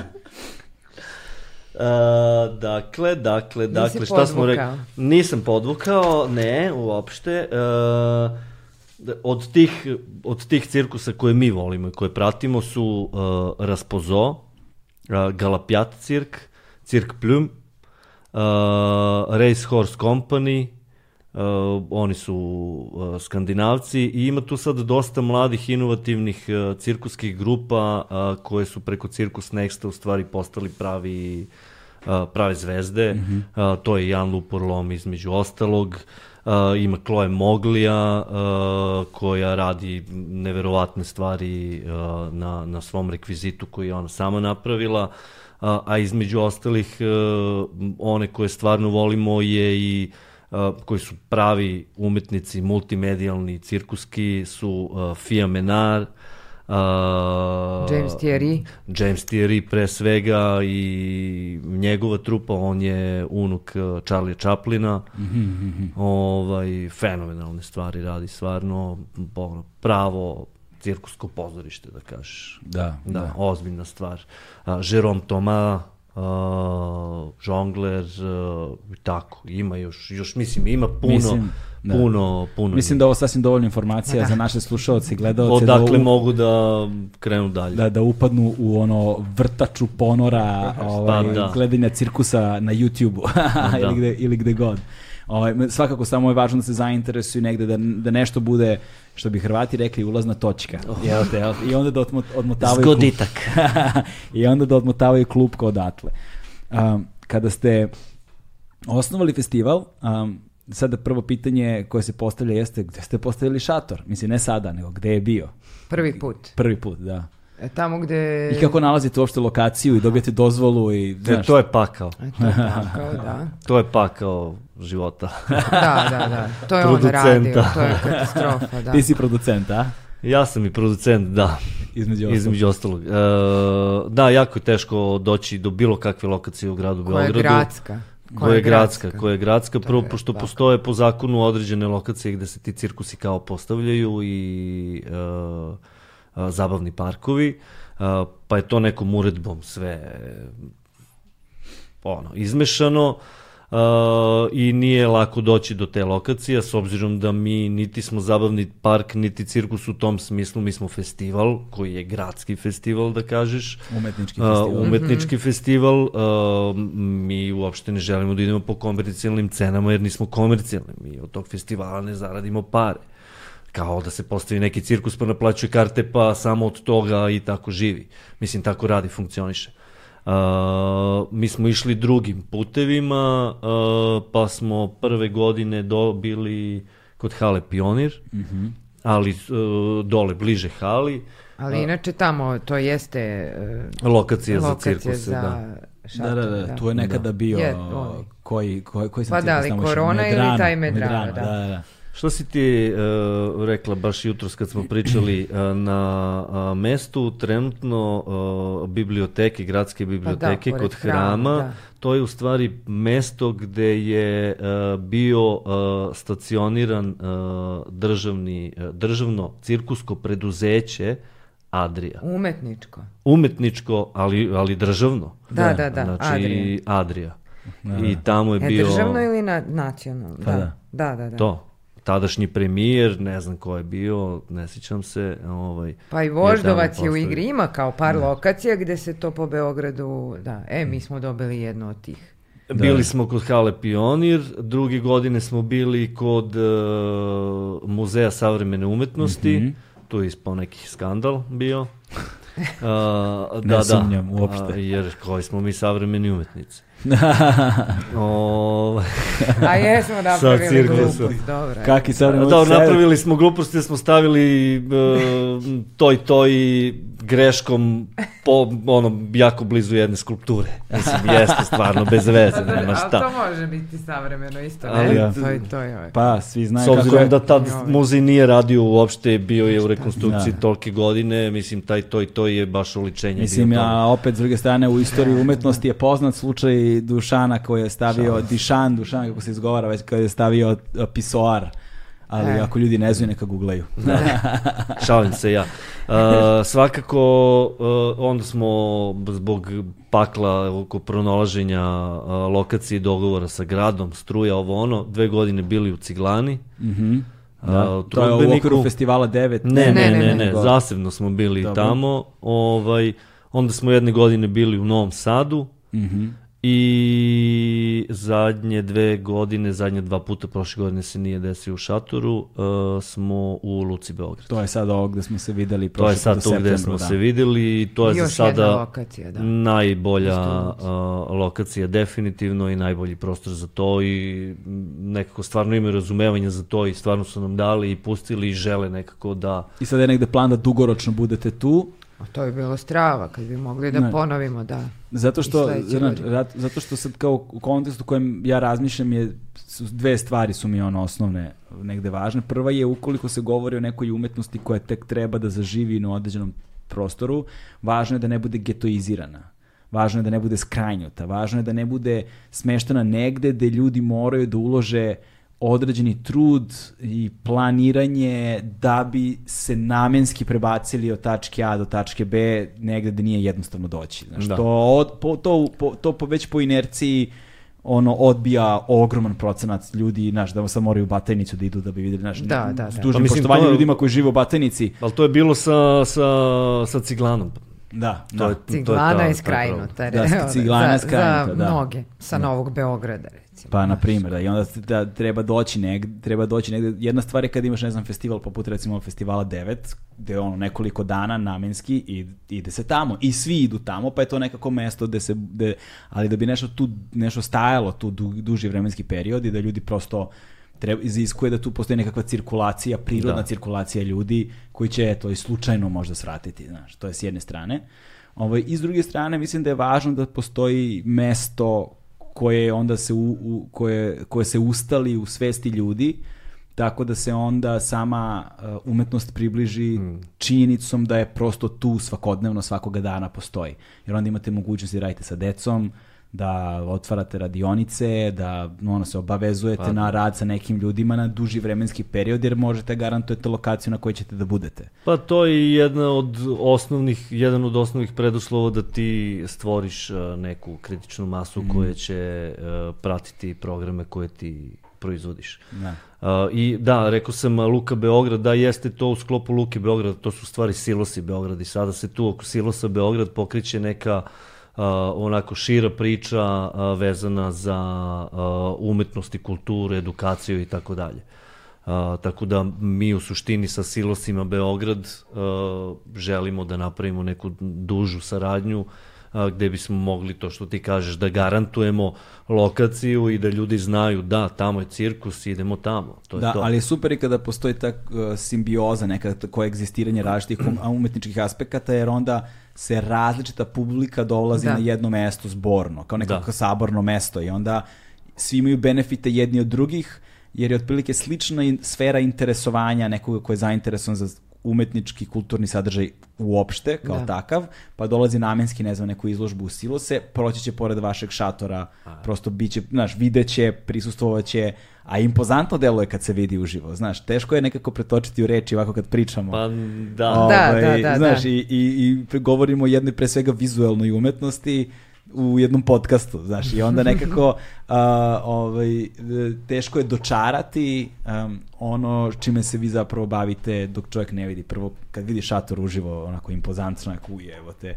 odmah ti evocira neke, da, da, pa jest. znaš, ne, neku emociju, znaš, nije, ne ostaješ ravnodušan na prizori, nije uobičajeni, nije svakodnevni, nije nešto što ideš ulicom pa viđaš, nego je onako izmešteno na, na, na livadi i strava izgleda. Ovaj, kako rešavate ventilaciju unutra? Kako, koliko, koliko vas je korona sahranila? Mm -hmm. ono, kada je... Znaš, treba se sad vidjeti da se naguraju pod šator ono, i da sednu svi. A nije baš udobno sedeti tamo. E, nije, nije, nije. Ne, tako da. Dobili smo i loše ocene zbog toga. Naguramo ljude, sedimo na nekim klupicama, pa, mislim, cirkuski šator, ne da, da, očeku... stolice za masažu, nema da, pojma. Šta. Očekuju udobnost pozorišne da. scene. Tu je ta, tu je ta mm -hmm. diferencijacija. To je to. Znaš, između ostalog. Tako da mi polako edukujemo Bitefovu publiku, ovaj, šta... Cirkuski asketizam. Šta je cirkuski asketizam? Znoj, a kad je toplo, toplo je. Kad je hladno, mnogo je ladno. Tako da zahteva aktivnog uh, uh, posetioca. O, da, da. Fazon, da. Znaš, ko je spreman da se žrtvuje, da učestvuje, ne bili doživeo ono što je neophodno. Da, da. ovaj, e sada u, toj, u, u tom radu, uh, kak, kada ste organizovali festival ove godine, ovaj, uh, sa tim različitim trupama, uh, šta je ono što su ljudi zapravo mogli da vide uh, i kakav vam je odziv bio i um, šta je ono što vi nosite iz tih iskustava kada stavite ono što su naše savremene predstave, ono što vi, vaša produkcija proizvodi, kada stanu rame uz rame s onima što dolazi iz Francuske, iz Španije, iz Italije, Grčke i tako dalje. Kakav je, kakav je to ono odnos snaga s jedne strane i koliko vam znači ta vrsta razmene? Znaš. Pa mislim... Kakve su predstave bile ove godine? Na, čem, na čemu se akcenti stavljaju? Znaš? Akcent ove godine bio nismo imali neki konkretan uh, akcenat uh, u smislu da ove godine obrađujemo određenu temu. Ne. Uh, ove godine smo, uh, s obzirom i na situaciju u kojoj se svi nalazimo, uh, smo uh, u stvari neke grupe koje smo odložili prošle godine, pozvali ove godine i tako dalje. Ali uh, je poenta bila da uh, bude što raznovrsnije u smislu uh, i uh, onoga što se želi reći sa, sa tom produkcijom, to jest imamo, e, imali smo i angažovane uh, predstave, uh, imali smo predstave koje uh, govore o nekim socijalnim problemima, imali smo predstave koje govore o nekim uh, dubljim uh, ličnim uh, kako Iskustvima, mislim, isku, nešto. iskustvima i um, ali takođe problemi. Mhm. Uh, imali smo uh, predstave koje nemaju baš neku veliku dubinu, ali imaju dobru veštinu. Mhm. Uh, imali smo dosta programa za decu um, i nekako uh, imali smo i eksperimentalne dve, dve, dve predstave su bile potpuno Šta eksperimentala. znači eksperimentalne? A više vizualno, kao, nema, nema tu, kao, ne možeš reći nema ništa konkretno. Da, da. Ali recimo, eto kao, ja bi se isto zapis, zapitala da li je Da li ta je to predstava cirkus? cirkus. znaš, da li to Šta- spada Dajte u mi cirkus? primjer, o, nego Znaš, kao. dočarajte mi. Ne, znaš, Uh, koja, je to, koja je to trupa bila? Koja je to grupa? To je bila Mirto Petročilu iz Solo. Grčke, solo. Uh, Solo predstav- nastup, jedan solo čovjek. Da, nastup, solo, da. solo, da. Predstava se zove Devet. Mhm. Uh, ona se bavi, uh, kombi, odnosno ona istražuje kombinaciju vizualne umetnosti i plastične Da, umetnosti. Šta kao, znači pa, plastično? Uh, Plastikart uh, je ima manipulacija da ima ogroman da ima ogroman neki najlon uh, ispod koga se ona nalazi sve vreme i Aha. uh, oblikujući taj najlon uh, u stvari ona uh, u glavama uh, gledaoca, gledalaca ovaj uh, istražuje u stvari uh, št- slike. Aha, aha.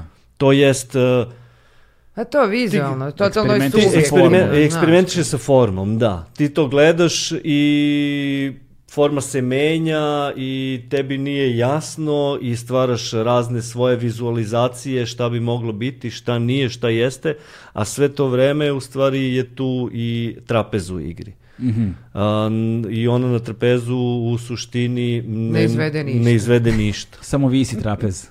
E, Kao deo scenografije. Pa popne se u jednom momentu i to je to. Aha. Haos. Da. I to i, i mislim i to jeste savremeni cirkus. U, u neku ruku. Mislim to je ta granica. Uh, druga predstava je bila eksperimentalno bo- muzičko žonglerska.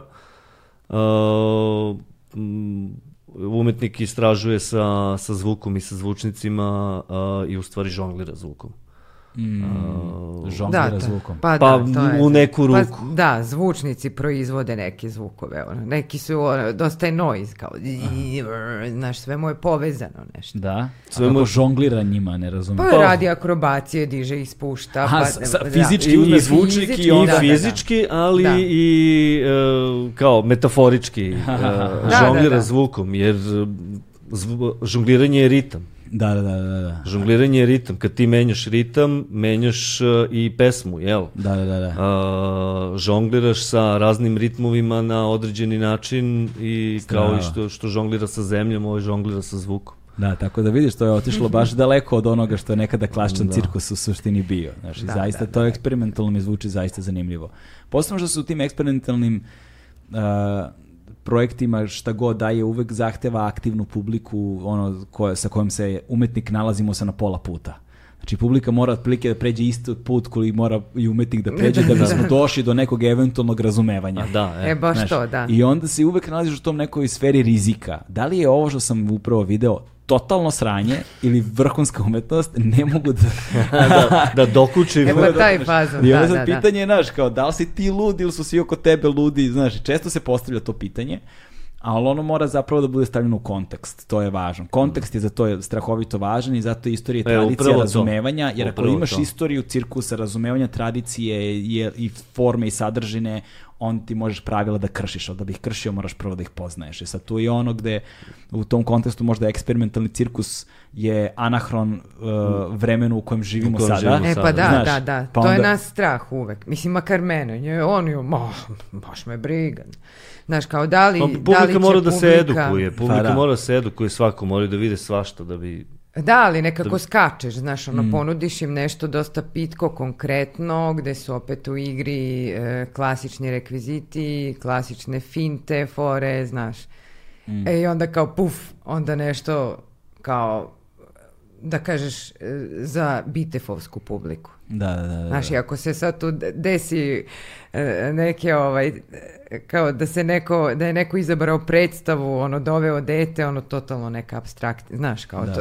Ali to je sve vid edukacije. Da, Pa jeste vidio edukacija, ali opet ja razumem šta ona hoće da kaže s jedne strane. Znaš, to je ono, kao kad odeš u teretanu i ne može pa podigneš ne odmah može, 300 e, kila. pa taj fazan. Po, mora podigneš prvo 3, pa onda 13, Upravo to, pa upravo 30, to, pa da. no, do 300 možda neće nikad ni stići. Pa dobro, ali ni- nismo ni mi tu godinu dana. Pa jasno, reći, da, ali- Možemo već da eksperimentišemo. Pa Nakon. dobro, s- da, samo, samo kažem da, ok, super mi je, mislim sad ne, ne, ne učim ja vas vašem poslu, nego, naravno, nego- da. nego samo hoću da kažem da je razumem, znaš, da, razumem, da razumem koncept Da, o, kojem, da. o kojem govori, ponuditi ljudima nekakve tradicionalne klasične elemente koji su i- ono identitetski i razumeju, znaš, kao, ok, aha, ovo razumem i kao ovo, o, ne, znaš, neko očekivanje koje je ispunjeno, a onda imaš očekivanje koje je iznevereno.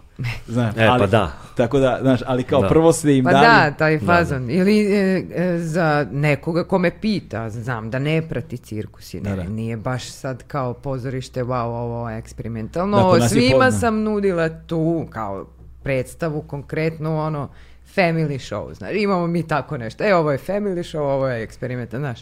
Da, da. Dobro, to su, to, su, to prosto- su nužnosti trenutka u kojem živite, znaš, u kojem morate Tako se prilagođavati Da, neki da. način, ali je važno da pomerate granicu. Ja se slažem i s tobom, s druge strane, ne treba ljudima uvek davati ono što žele, jer ono što žele nije nužno ono što im treba. Da, jest, Znaš, jest. pa onda treba izbalansirati kao kada ćeš ljudima dati ono što im treba, možda, će, možda te u početku neće voleti zbog toga, ali kao ti veruješ u to, ali opet tu je važno da, da sami verujete u svoj proizvod. Znači, da. to je, to je, za- zato mi je taj korak odvažavanja da se iskorači u sferu kao e, pravimo festival koji e, u, u oblasti jednoj koja se još uvijek ne razume dovoljno kod nas, niti ima sluha, niti razumevanja, niti vjerojatno neke medijske prisutnosti koja pretpostavljam se odražava onda i na sam poslovni model ovaj, s jedne strane, a s druge strane kao te suludi entuzijazam, kao radimo i pravimo ovo, i, znaš, mislim što je stvarno strava, znaš, baš, je, baš je super. E sad, ono, je- ono što je ključno,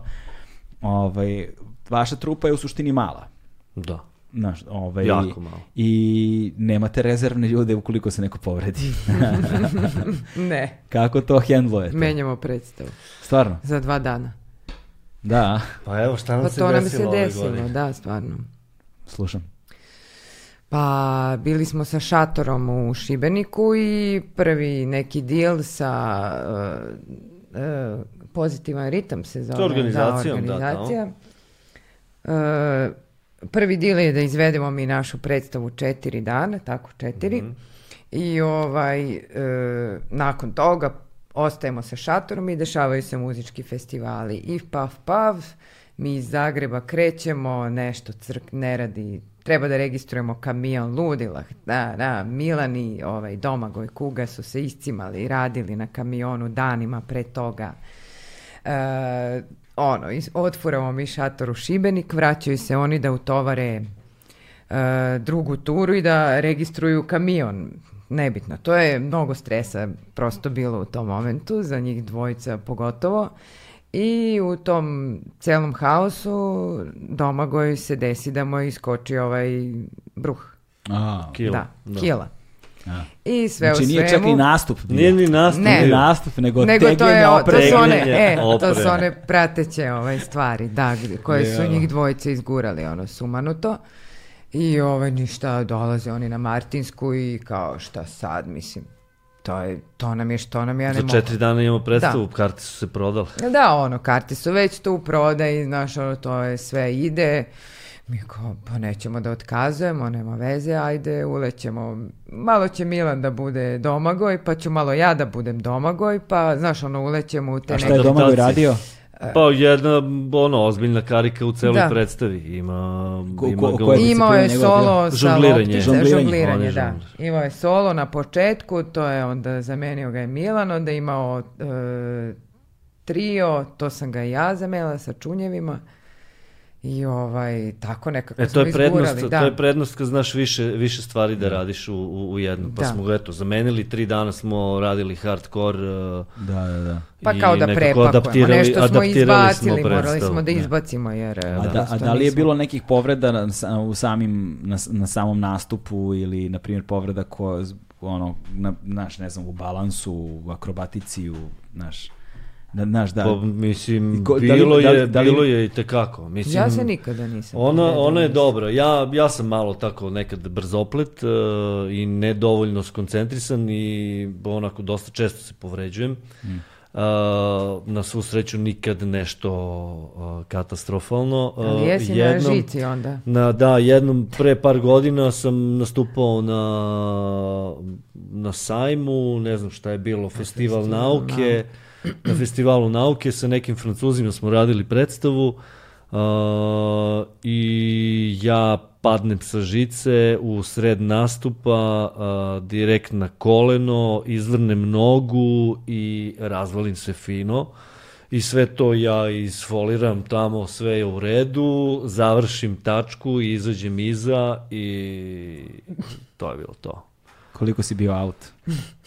Sutradan ujutru u šest sam morao da budem u Parizu. Jo, a, bre. Još na, da, na da. sastancima nekim a, koji nisu mogli da se odlože, tako da sam ja jedva nekako došao do aerodroma, jedva se prevezu tamo i tamo sam odsedeo jedno tri dana i to je trajalo, posle oporavak je trajao par meseci. Da.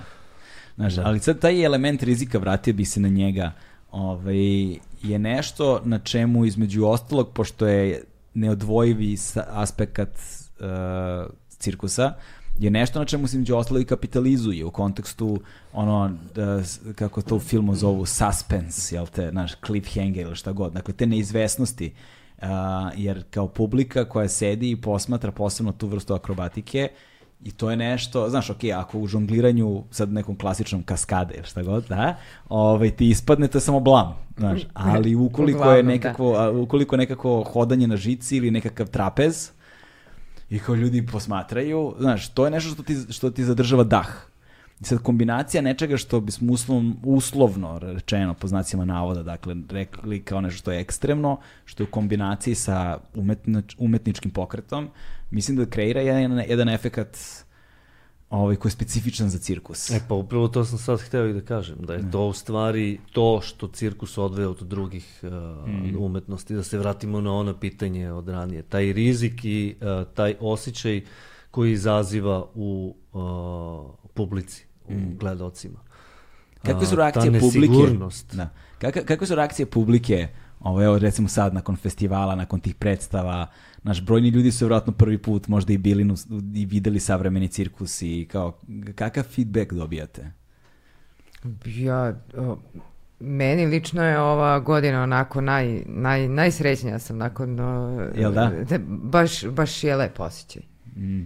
Ova godina je baš bila uspešna i posjećena i mislim da, ja mislim da nismo doživjeli niti jedan negativan ono. Da. Da. Da ne, je ne neko- žale se više na i- klupice. Ne žele se. Promenili smo mi publiku. Vi ste ih promenili, naučili ste. Ne, pogledamo ih u oči i damo im ovaj e, kao Sunđet. jastučić ako vidimo da je ono neka bakuta koja će da, da.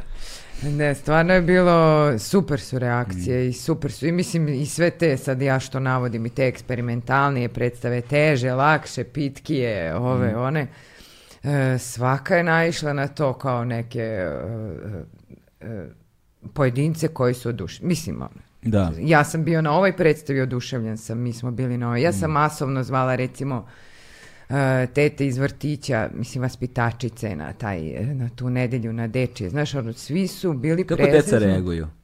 Naša ili... Ne, ne, vašu decu ćemo posebno da, znaš, sa va, vašu decu ćemo poseban segment na kraju sam, znaš. Ma super reaguju, pa deca reaguju najbolje. Deca reaguju iskreno. Deca reaguju Da. ono, onako kako dožive trenutnu situaciju i tu nema greške. Da. Da. I tu dovode greške. e, roditelji decu na ove, ne samo dečije predstave, Da. nego i na te radionice i sad, znaš, A ove školice, da, da, da. Školice gde da, vežbaju da hodaju po Dolaze, žici. dolaze, Da, da. I super su sretni i super, super prihvataju. I super imate mi polaznike neke nove? Sad ja, ja se već raspitujem, sa koliko godina deca mogu da krenu? Pitam za, za druga. Pa mi imamo, da trenutno radimo dva edukativna projekta. Uh, Pa, jedan da. je za decu osnovnoškolskog uzrasta, uh, od 6 pa Mhm. do 14 i drugi je sa, radimo sa mladima od 14 do 25. Uh, ima ih 15 uh, u ovoj mlađoj grupi i isto- mislim to su dve grupe, od prvog do četvrtog i od petog do osmog. Inače, uh, deca mogu sa četiri godine da krenu uh, iole, da se malo tu uh, uče, usmeravaju u te neke elementarne uh, fizičke aktivnosti, da kažem.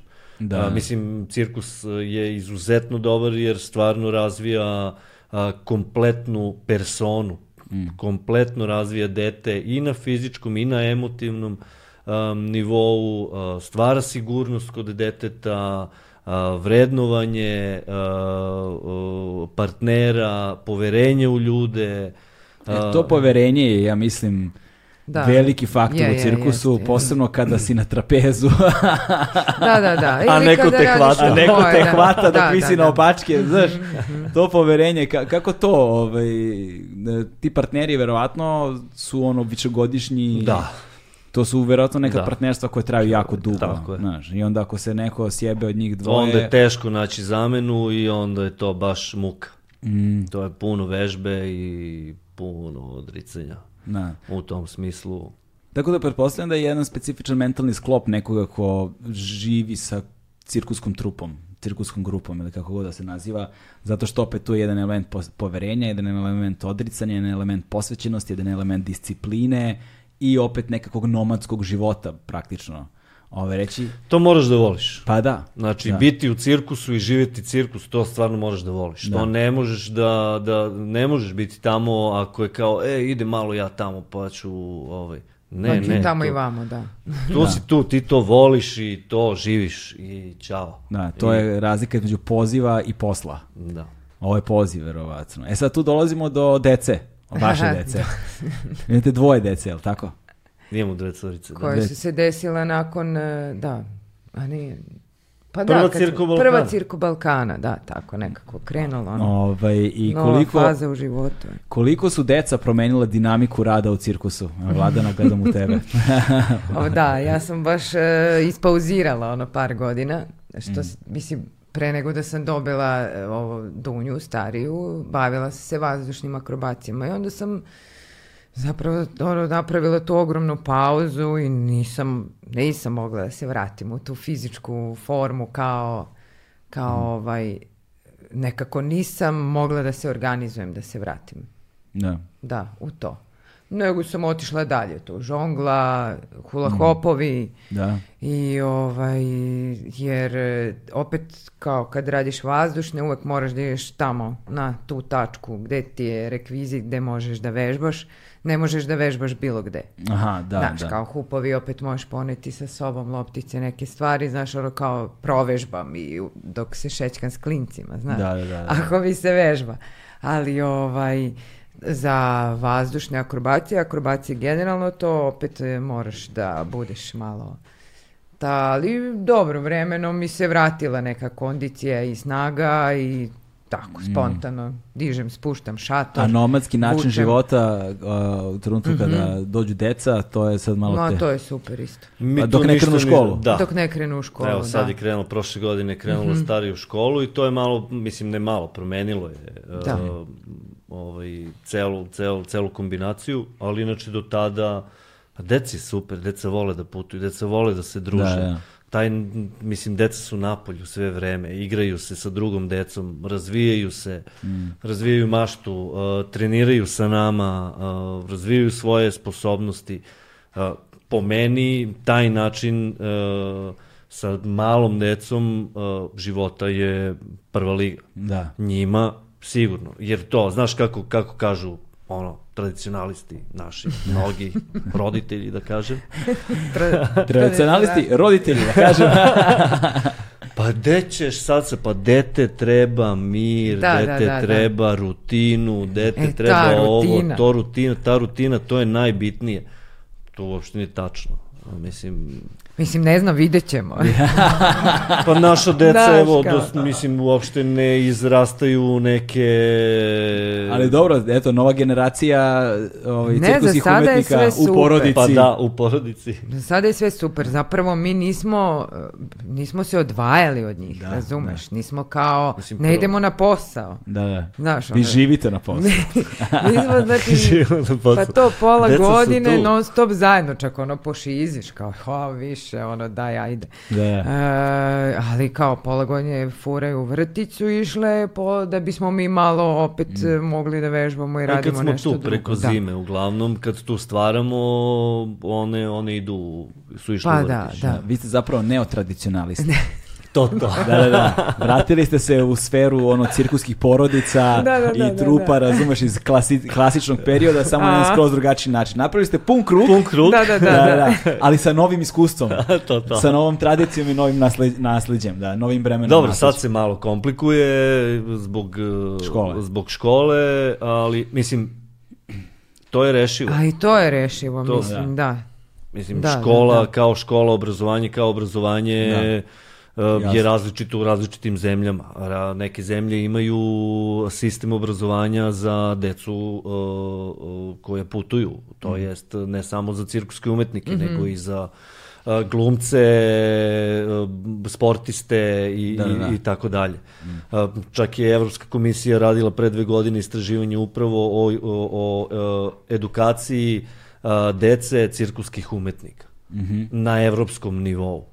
I Francuska je tu daleko, eh, Nemačka onako, Italija onako, Skandinavci su dobri, Belgija je dobra, Engleska isto, mi ovde to istok, ceo, to ništa, to ništa ne postoji. Da. Ništa ne postoji, a to je u stvari obrazovanje na daljinu, mislim... Pa kao to je što se sve- desilo sad, ono, kad je Pa evo, krenula cela korona cela je to. frka, da. Mhm. To je to. Na, zapravo vi ste na više frontova pioniri u ovome, znaš, zato što investirajući se i rizikujući sve, vi zapravo na više frontova morate da izgradite nekakve temelje da bi to sve moglo da funkcioniše. Sutra za neku sledeću generaciju Da. koja dolazi, da već imaju nekakve nacrte i nekakve planove, nekakve principe i šeme na, os- na koje mogu se, neko iskustvo na koje mogu da se oslone. Bilo ono pogrešno ili dobro, nije Da, važno. da. Kako Oni ne? će da ga menjaju i prilagođavaju sebi, ali neće kretati iz nepoznatog. To je ono što je važno. Pa ostaće neko u starijoj generaciji koji ima nekakvo iskustvo, ko može nekakvo znanje i to iskustvo da prenese na Pa To, neki način. samo da se vrate iz Da. eh, I to je zdravo, Francuske. znaš, zato je, zato, mi- zato je super ono, i, i to što jeste i to što radite i to što živite zbog toga što obogaćujete kulturni pejzaž ovaj, To svakako. Znaš, a, tamo gde ničega do sada nije bilo, barem duži vremenski period, i to na jedan dobar način u koraku sa savremenim društvom i savremenim vremenom u kojem živimo, što je stvarno stvara, strava i hvala vam na tome. I zanima me još samo, gde je šator sada, brat? Evo, baš smo ga odvezli prošle nedelje u Zagreb na I šta zimsko, zimsko, ovaj, Na zimski san. zimski, zimski odmor. Da, zimski, raspust. Zimski Zimski raspust, raspust, da. zimski Da, raspust. Zimski raspust je do aprila, početkom aprila ga dižemo u Zagrebu, onda tamo ekipa koja je u Zagrebu Mhm. radi svoje neke uh, aktivnosti i onda imamo festival kraj maja, početak juna i onda se sad tu otvaraju razne neke kombinacije, neka Ljubljana, Da. ovaj, neka Dalmacija, neki Novi Sad možda i sredinom avgusta smo opet u Beogradu. Umeđu vremenu, šta radite umeđu vremenu, kako, jel trenirate, jel vežbate, jel nastupate negde u okviru nekih drugih projekata, se dešava nešto Pa sada? sada, mislim, treniramo svakako, radimo edukaciju, do kraja godine smo fokusirani na to, izaći ćemo sa jednom Da. predstavom sa mladima sad, Mhm. uh, nekih 14-15 mladih cura sa kojima radimo obuku i radimo neku predstavu, to će izaći krajem uh, uh, decembra, sredinom decembra. Uh, I u suštini završavamo svoje projektne aktivnosti koje smo imali, uh, trening, nove kreacije, su na pomolu uh, neke Pa ideje. imamo razne ideje, samo nikako da krenemo u realizaciju. Da, Da, to je sad zanimljivo, eto, jednu stvar, sam propu- ideje. jednu stvar sam propustio, ali ne bih da je ne, ne pomenemo, a to je dramaturški deo. Jel, ko vama radi dramaturški deo, adaptacije, storytelling, odnosno narativ i tako dalje i koliko je ono teško kombinovati sad prvobitnu ideju i zamisa u tom kontekstu sa onime što vi fizički morate da izvedete akrobatiku, žongliranje, ne znam, klonovski deo, šta, šta sve već imate od elemenata. Prvo ko vam to radi? Uh, to nam u suštini ne radi niko, to Da. se, mislim, nemamo nikog konkretnog u tom smislu. Uh, inače, u procesu istraživanja, kad ti praviš neku cir- cirkusku predstavu, ti kreneš od istraživanja. Ti ne kreneš od nečeg konkretnog. Može i to, Postoje da. dva modela, recimo, Pa da. da. kažemo da postoje dva modela, da je jedan da izabereš jednu temu koju želiš da obradiš i onda ti obrađuješ tu temu, ali opet kroz istraživanje e, e, sa e, disciplinom koju radiš.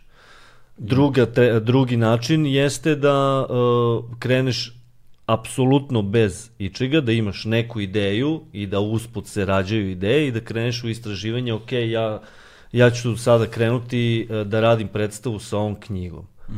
I ja istražujem šta sve mogu da uradim s ovom knjigom i onda dalje radim dramatizaciju uh, cele priče. Naravno, tu se pojavljuju razni neki drugari, uh, pošto ti sada imaš i razne neke kurseve za cirkusku dramaturgiju na akademijama uh, raznim po Evropi, pa neki odlaze, neki se vraćaju. To isto, evo sad radimo u decembru isto radimo jedan masterclass cirkuske dramaturgije ovde sa, sa studentima fakulteta dramskih umetnosti i cirkuskim umetnicima. Ovaj, I u suštini ti ljudi kao, kako mi to kažemo, spoljne E, pa da, oči. to. A, Spoljno da, da, nam pomažu u um, dramatizaciji, u uh, povezivanju nekih elemenata, u ovaj novim idejama i tako dalje. Strava, znači ljudi ukoliko žele da vas kontaktiraju, vi uvek imate neke programe u kojima mogu da učestvuju ili koje mogu da dođu da vide, da se Tako je okušaju, ispalo, da. probaju, tako je ispalo, da. Nije to baš sve tako planski bilo, ali eto, ispostavilo se da može. Ovaj, da sad ne nabrajate, ovaj, ja ću u opisu epizode, na, bez obzira na platformu da ljudi slušali, gledaju, staviti vaše linkove od Instagrama, pa ne znam šta vam je sve važno i stavit ćemo možda ako imate neki video zapis ne, ne, neke vaše predstave ili ne, ne, nečega. Pa može, da, poslaću ti ja neke. Pa to pošaljem neke da možemo da okačimo linkove da ljudi mogu da se upoznaju sa vašim radom Baš, i ovaj i da ono napravimo još jedan korak Još jedan korak. još jedan korak bliže ovaj da dolasku do šire publike da ne kažemo mainstreama.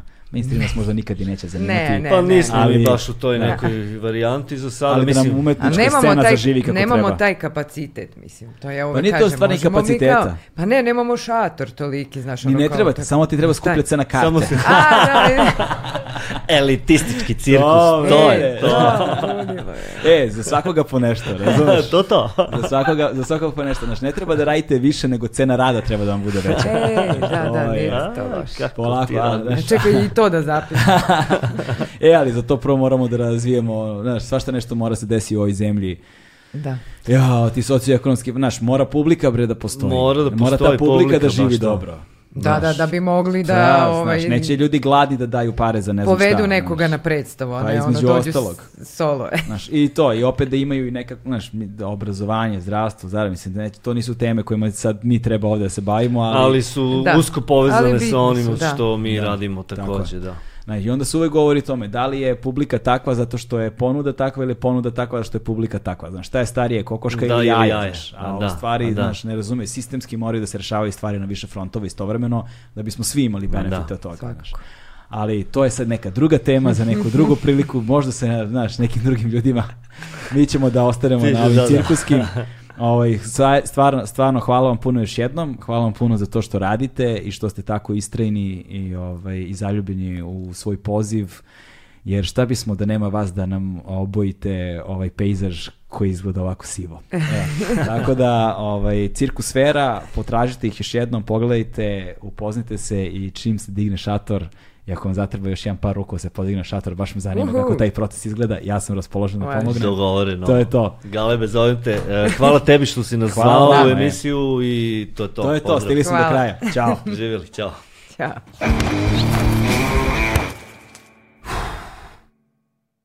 Hmm.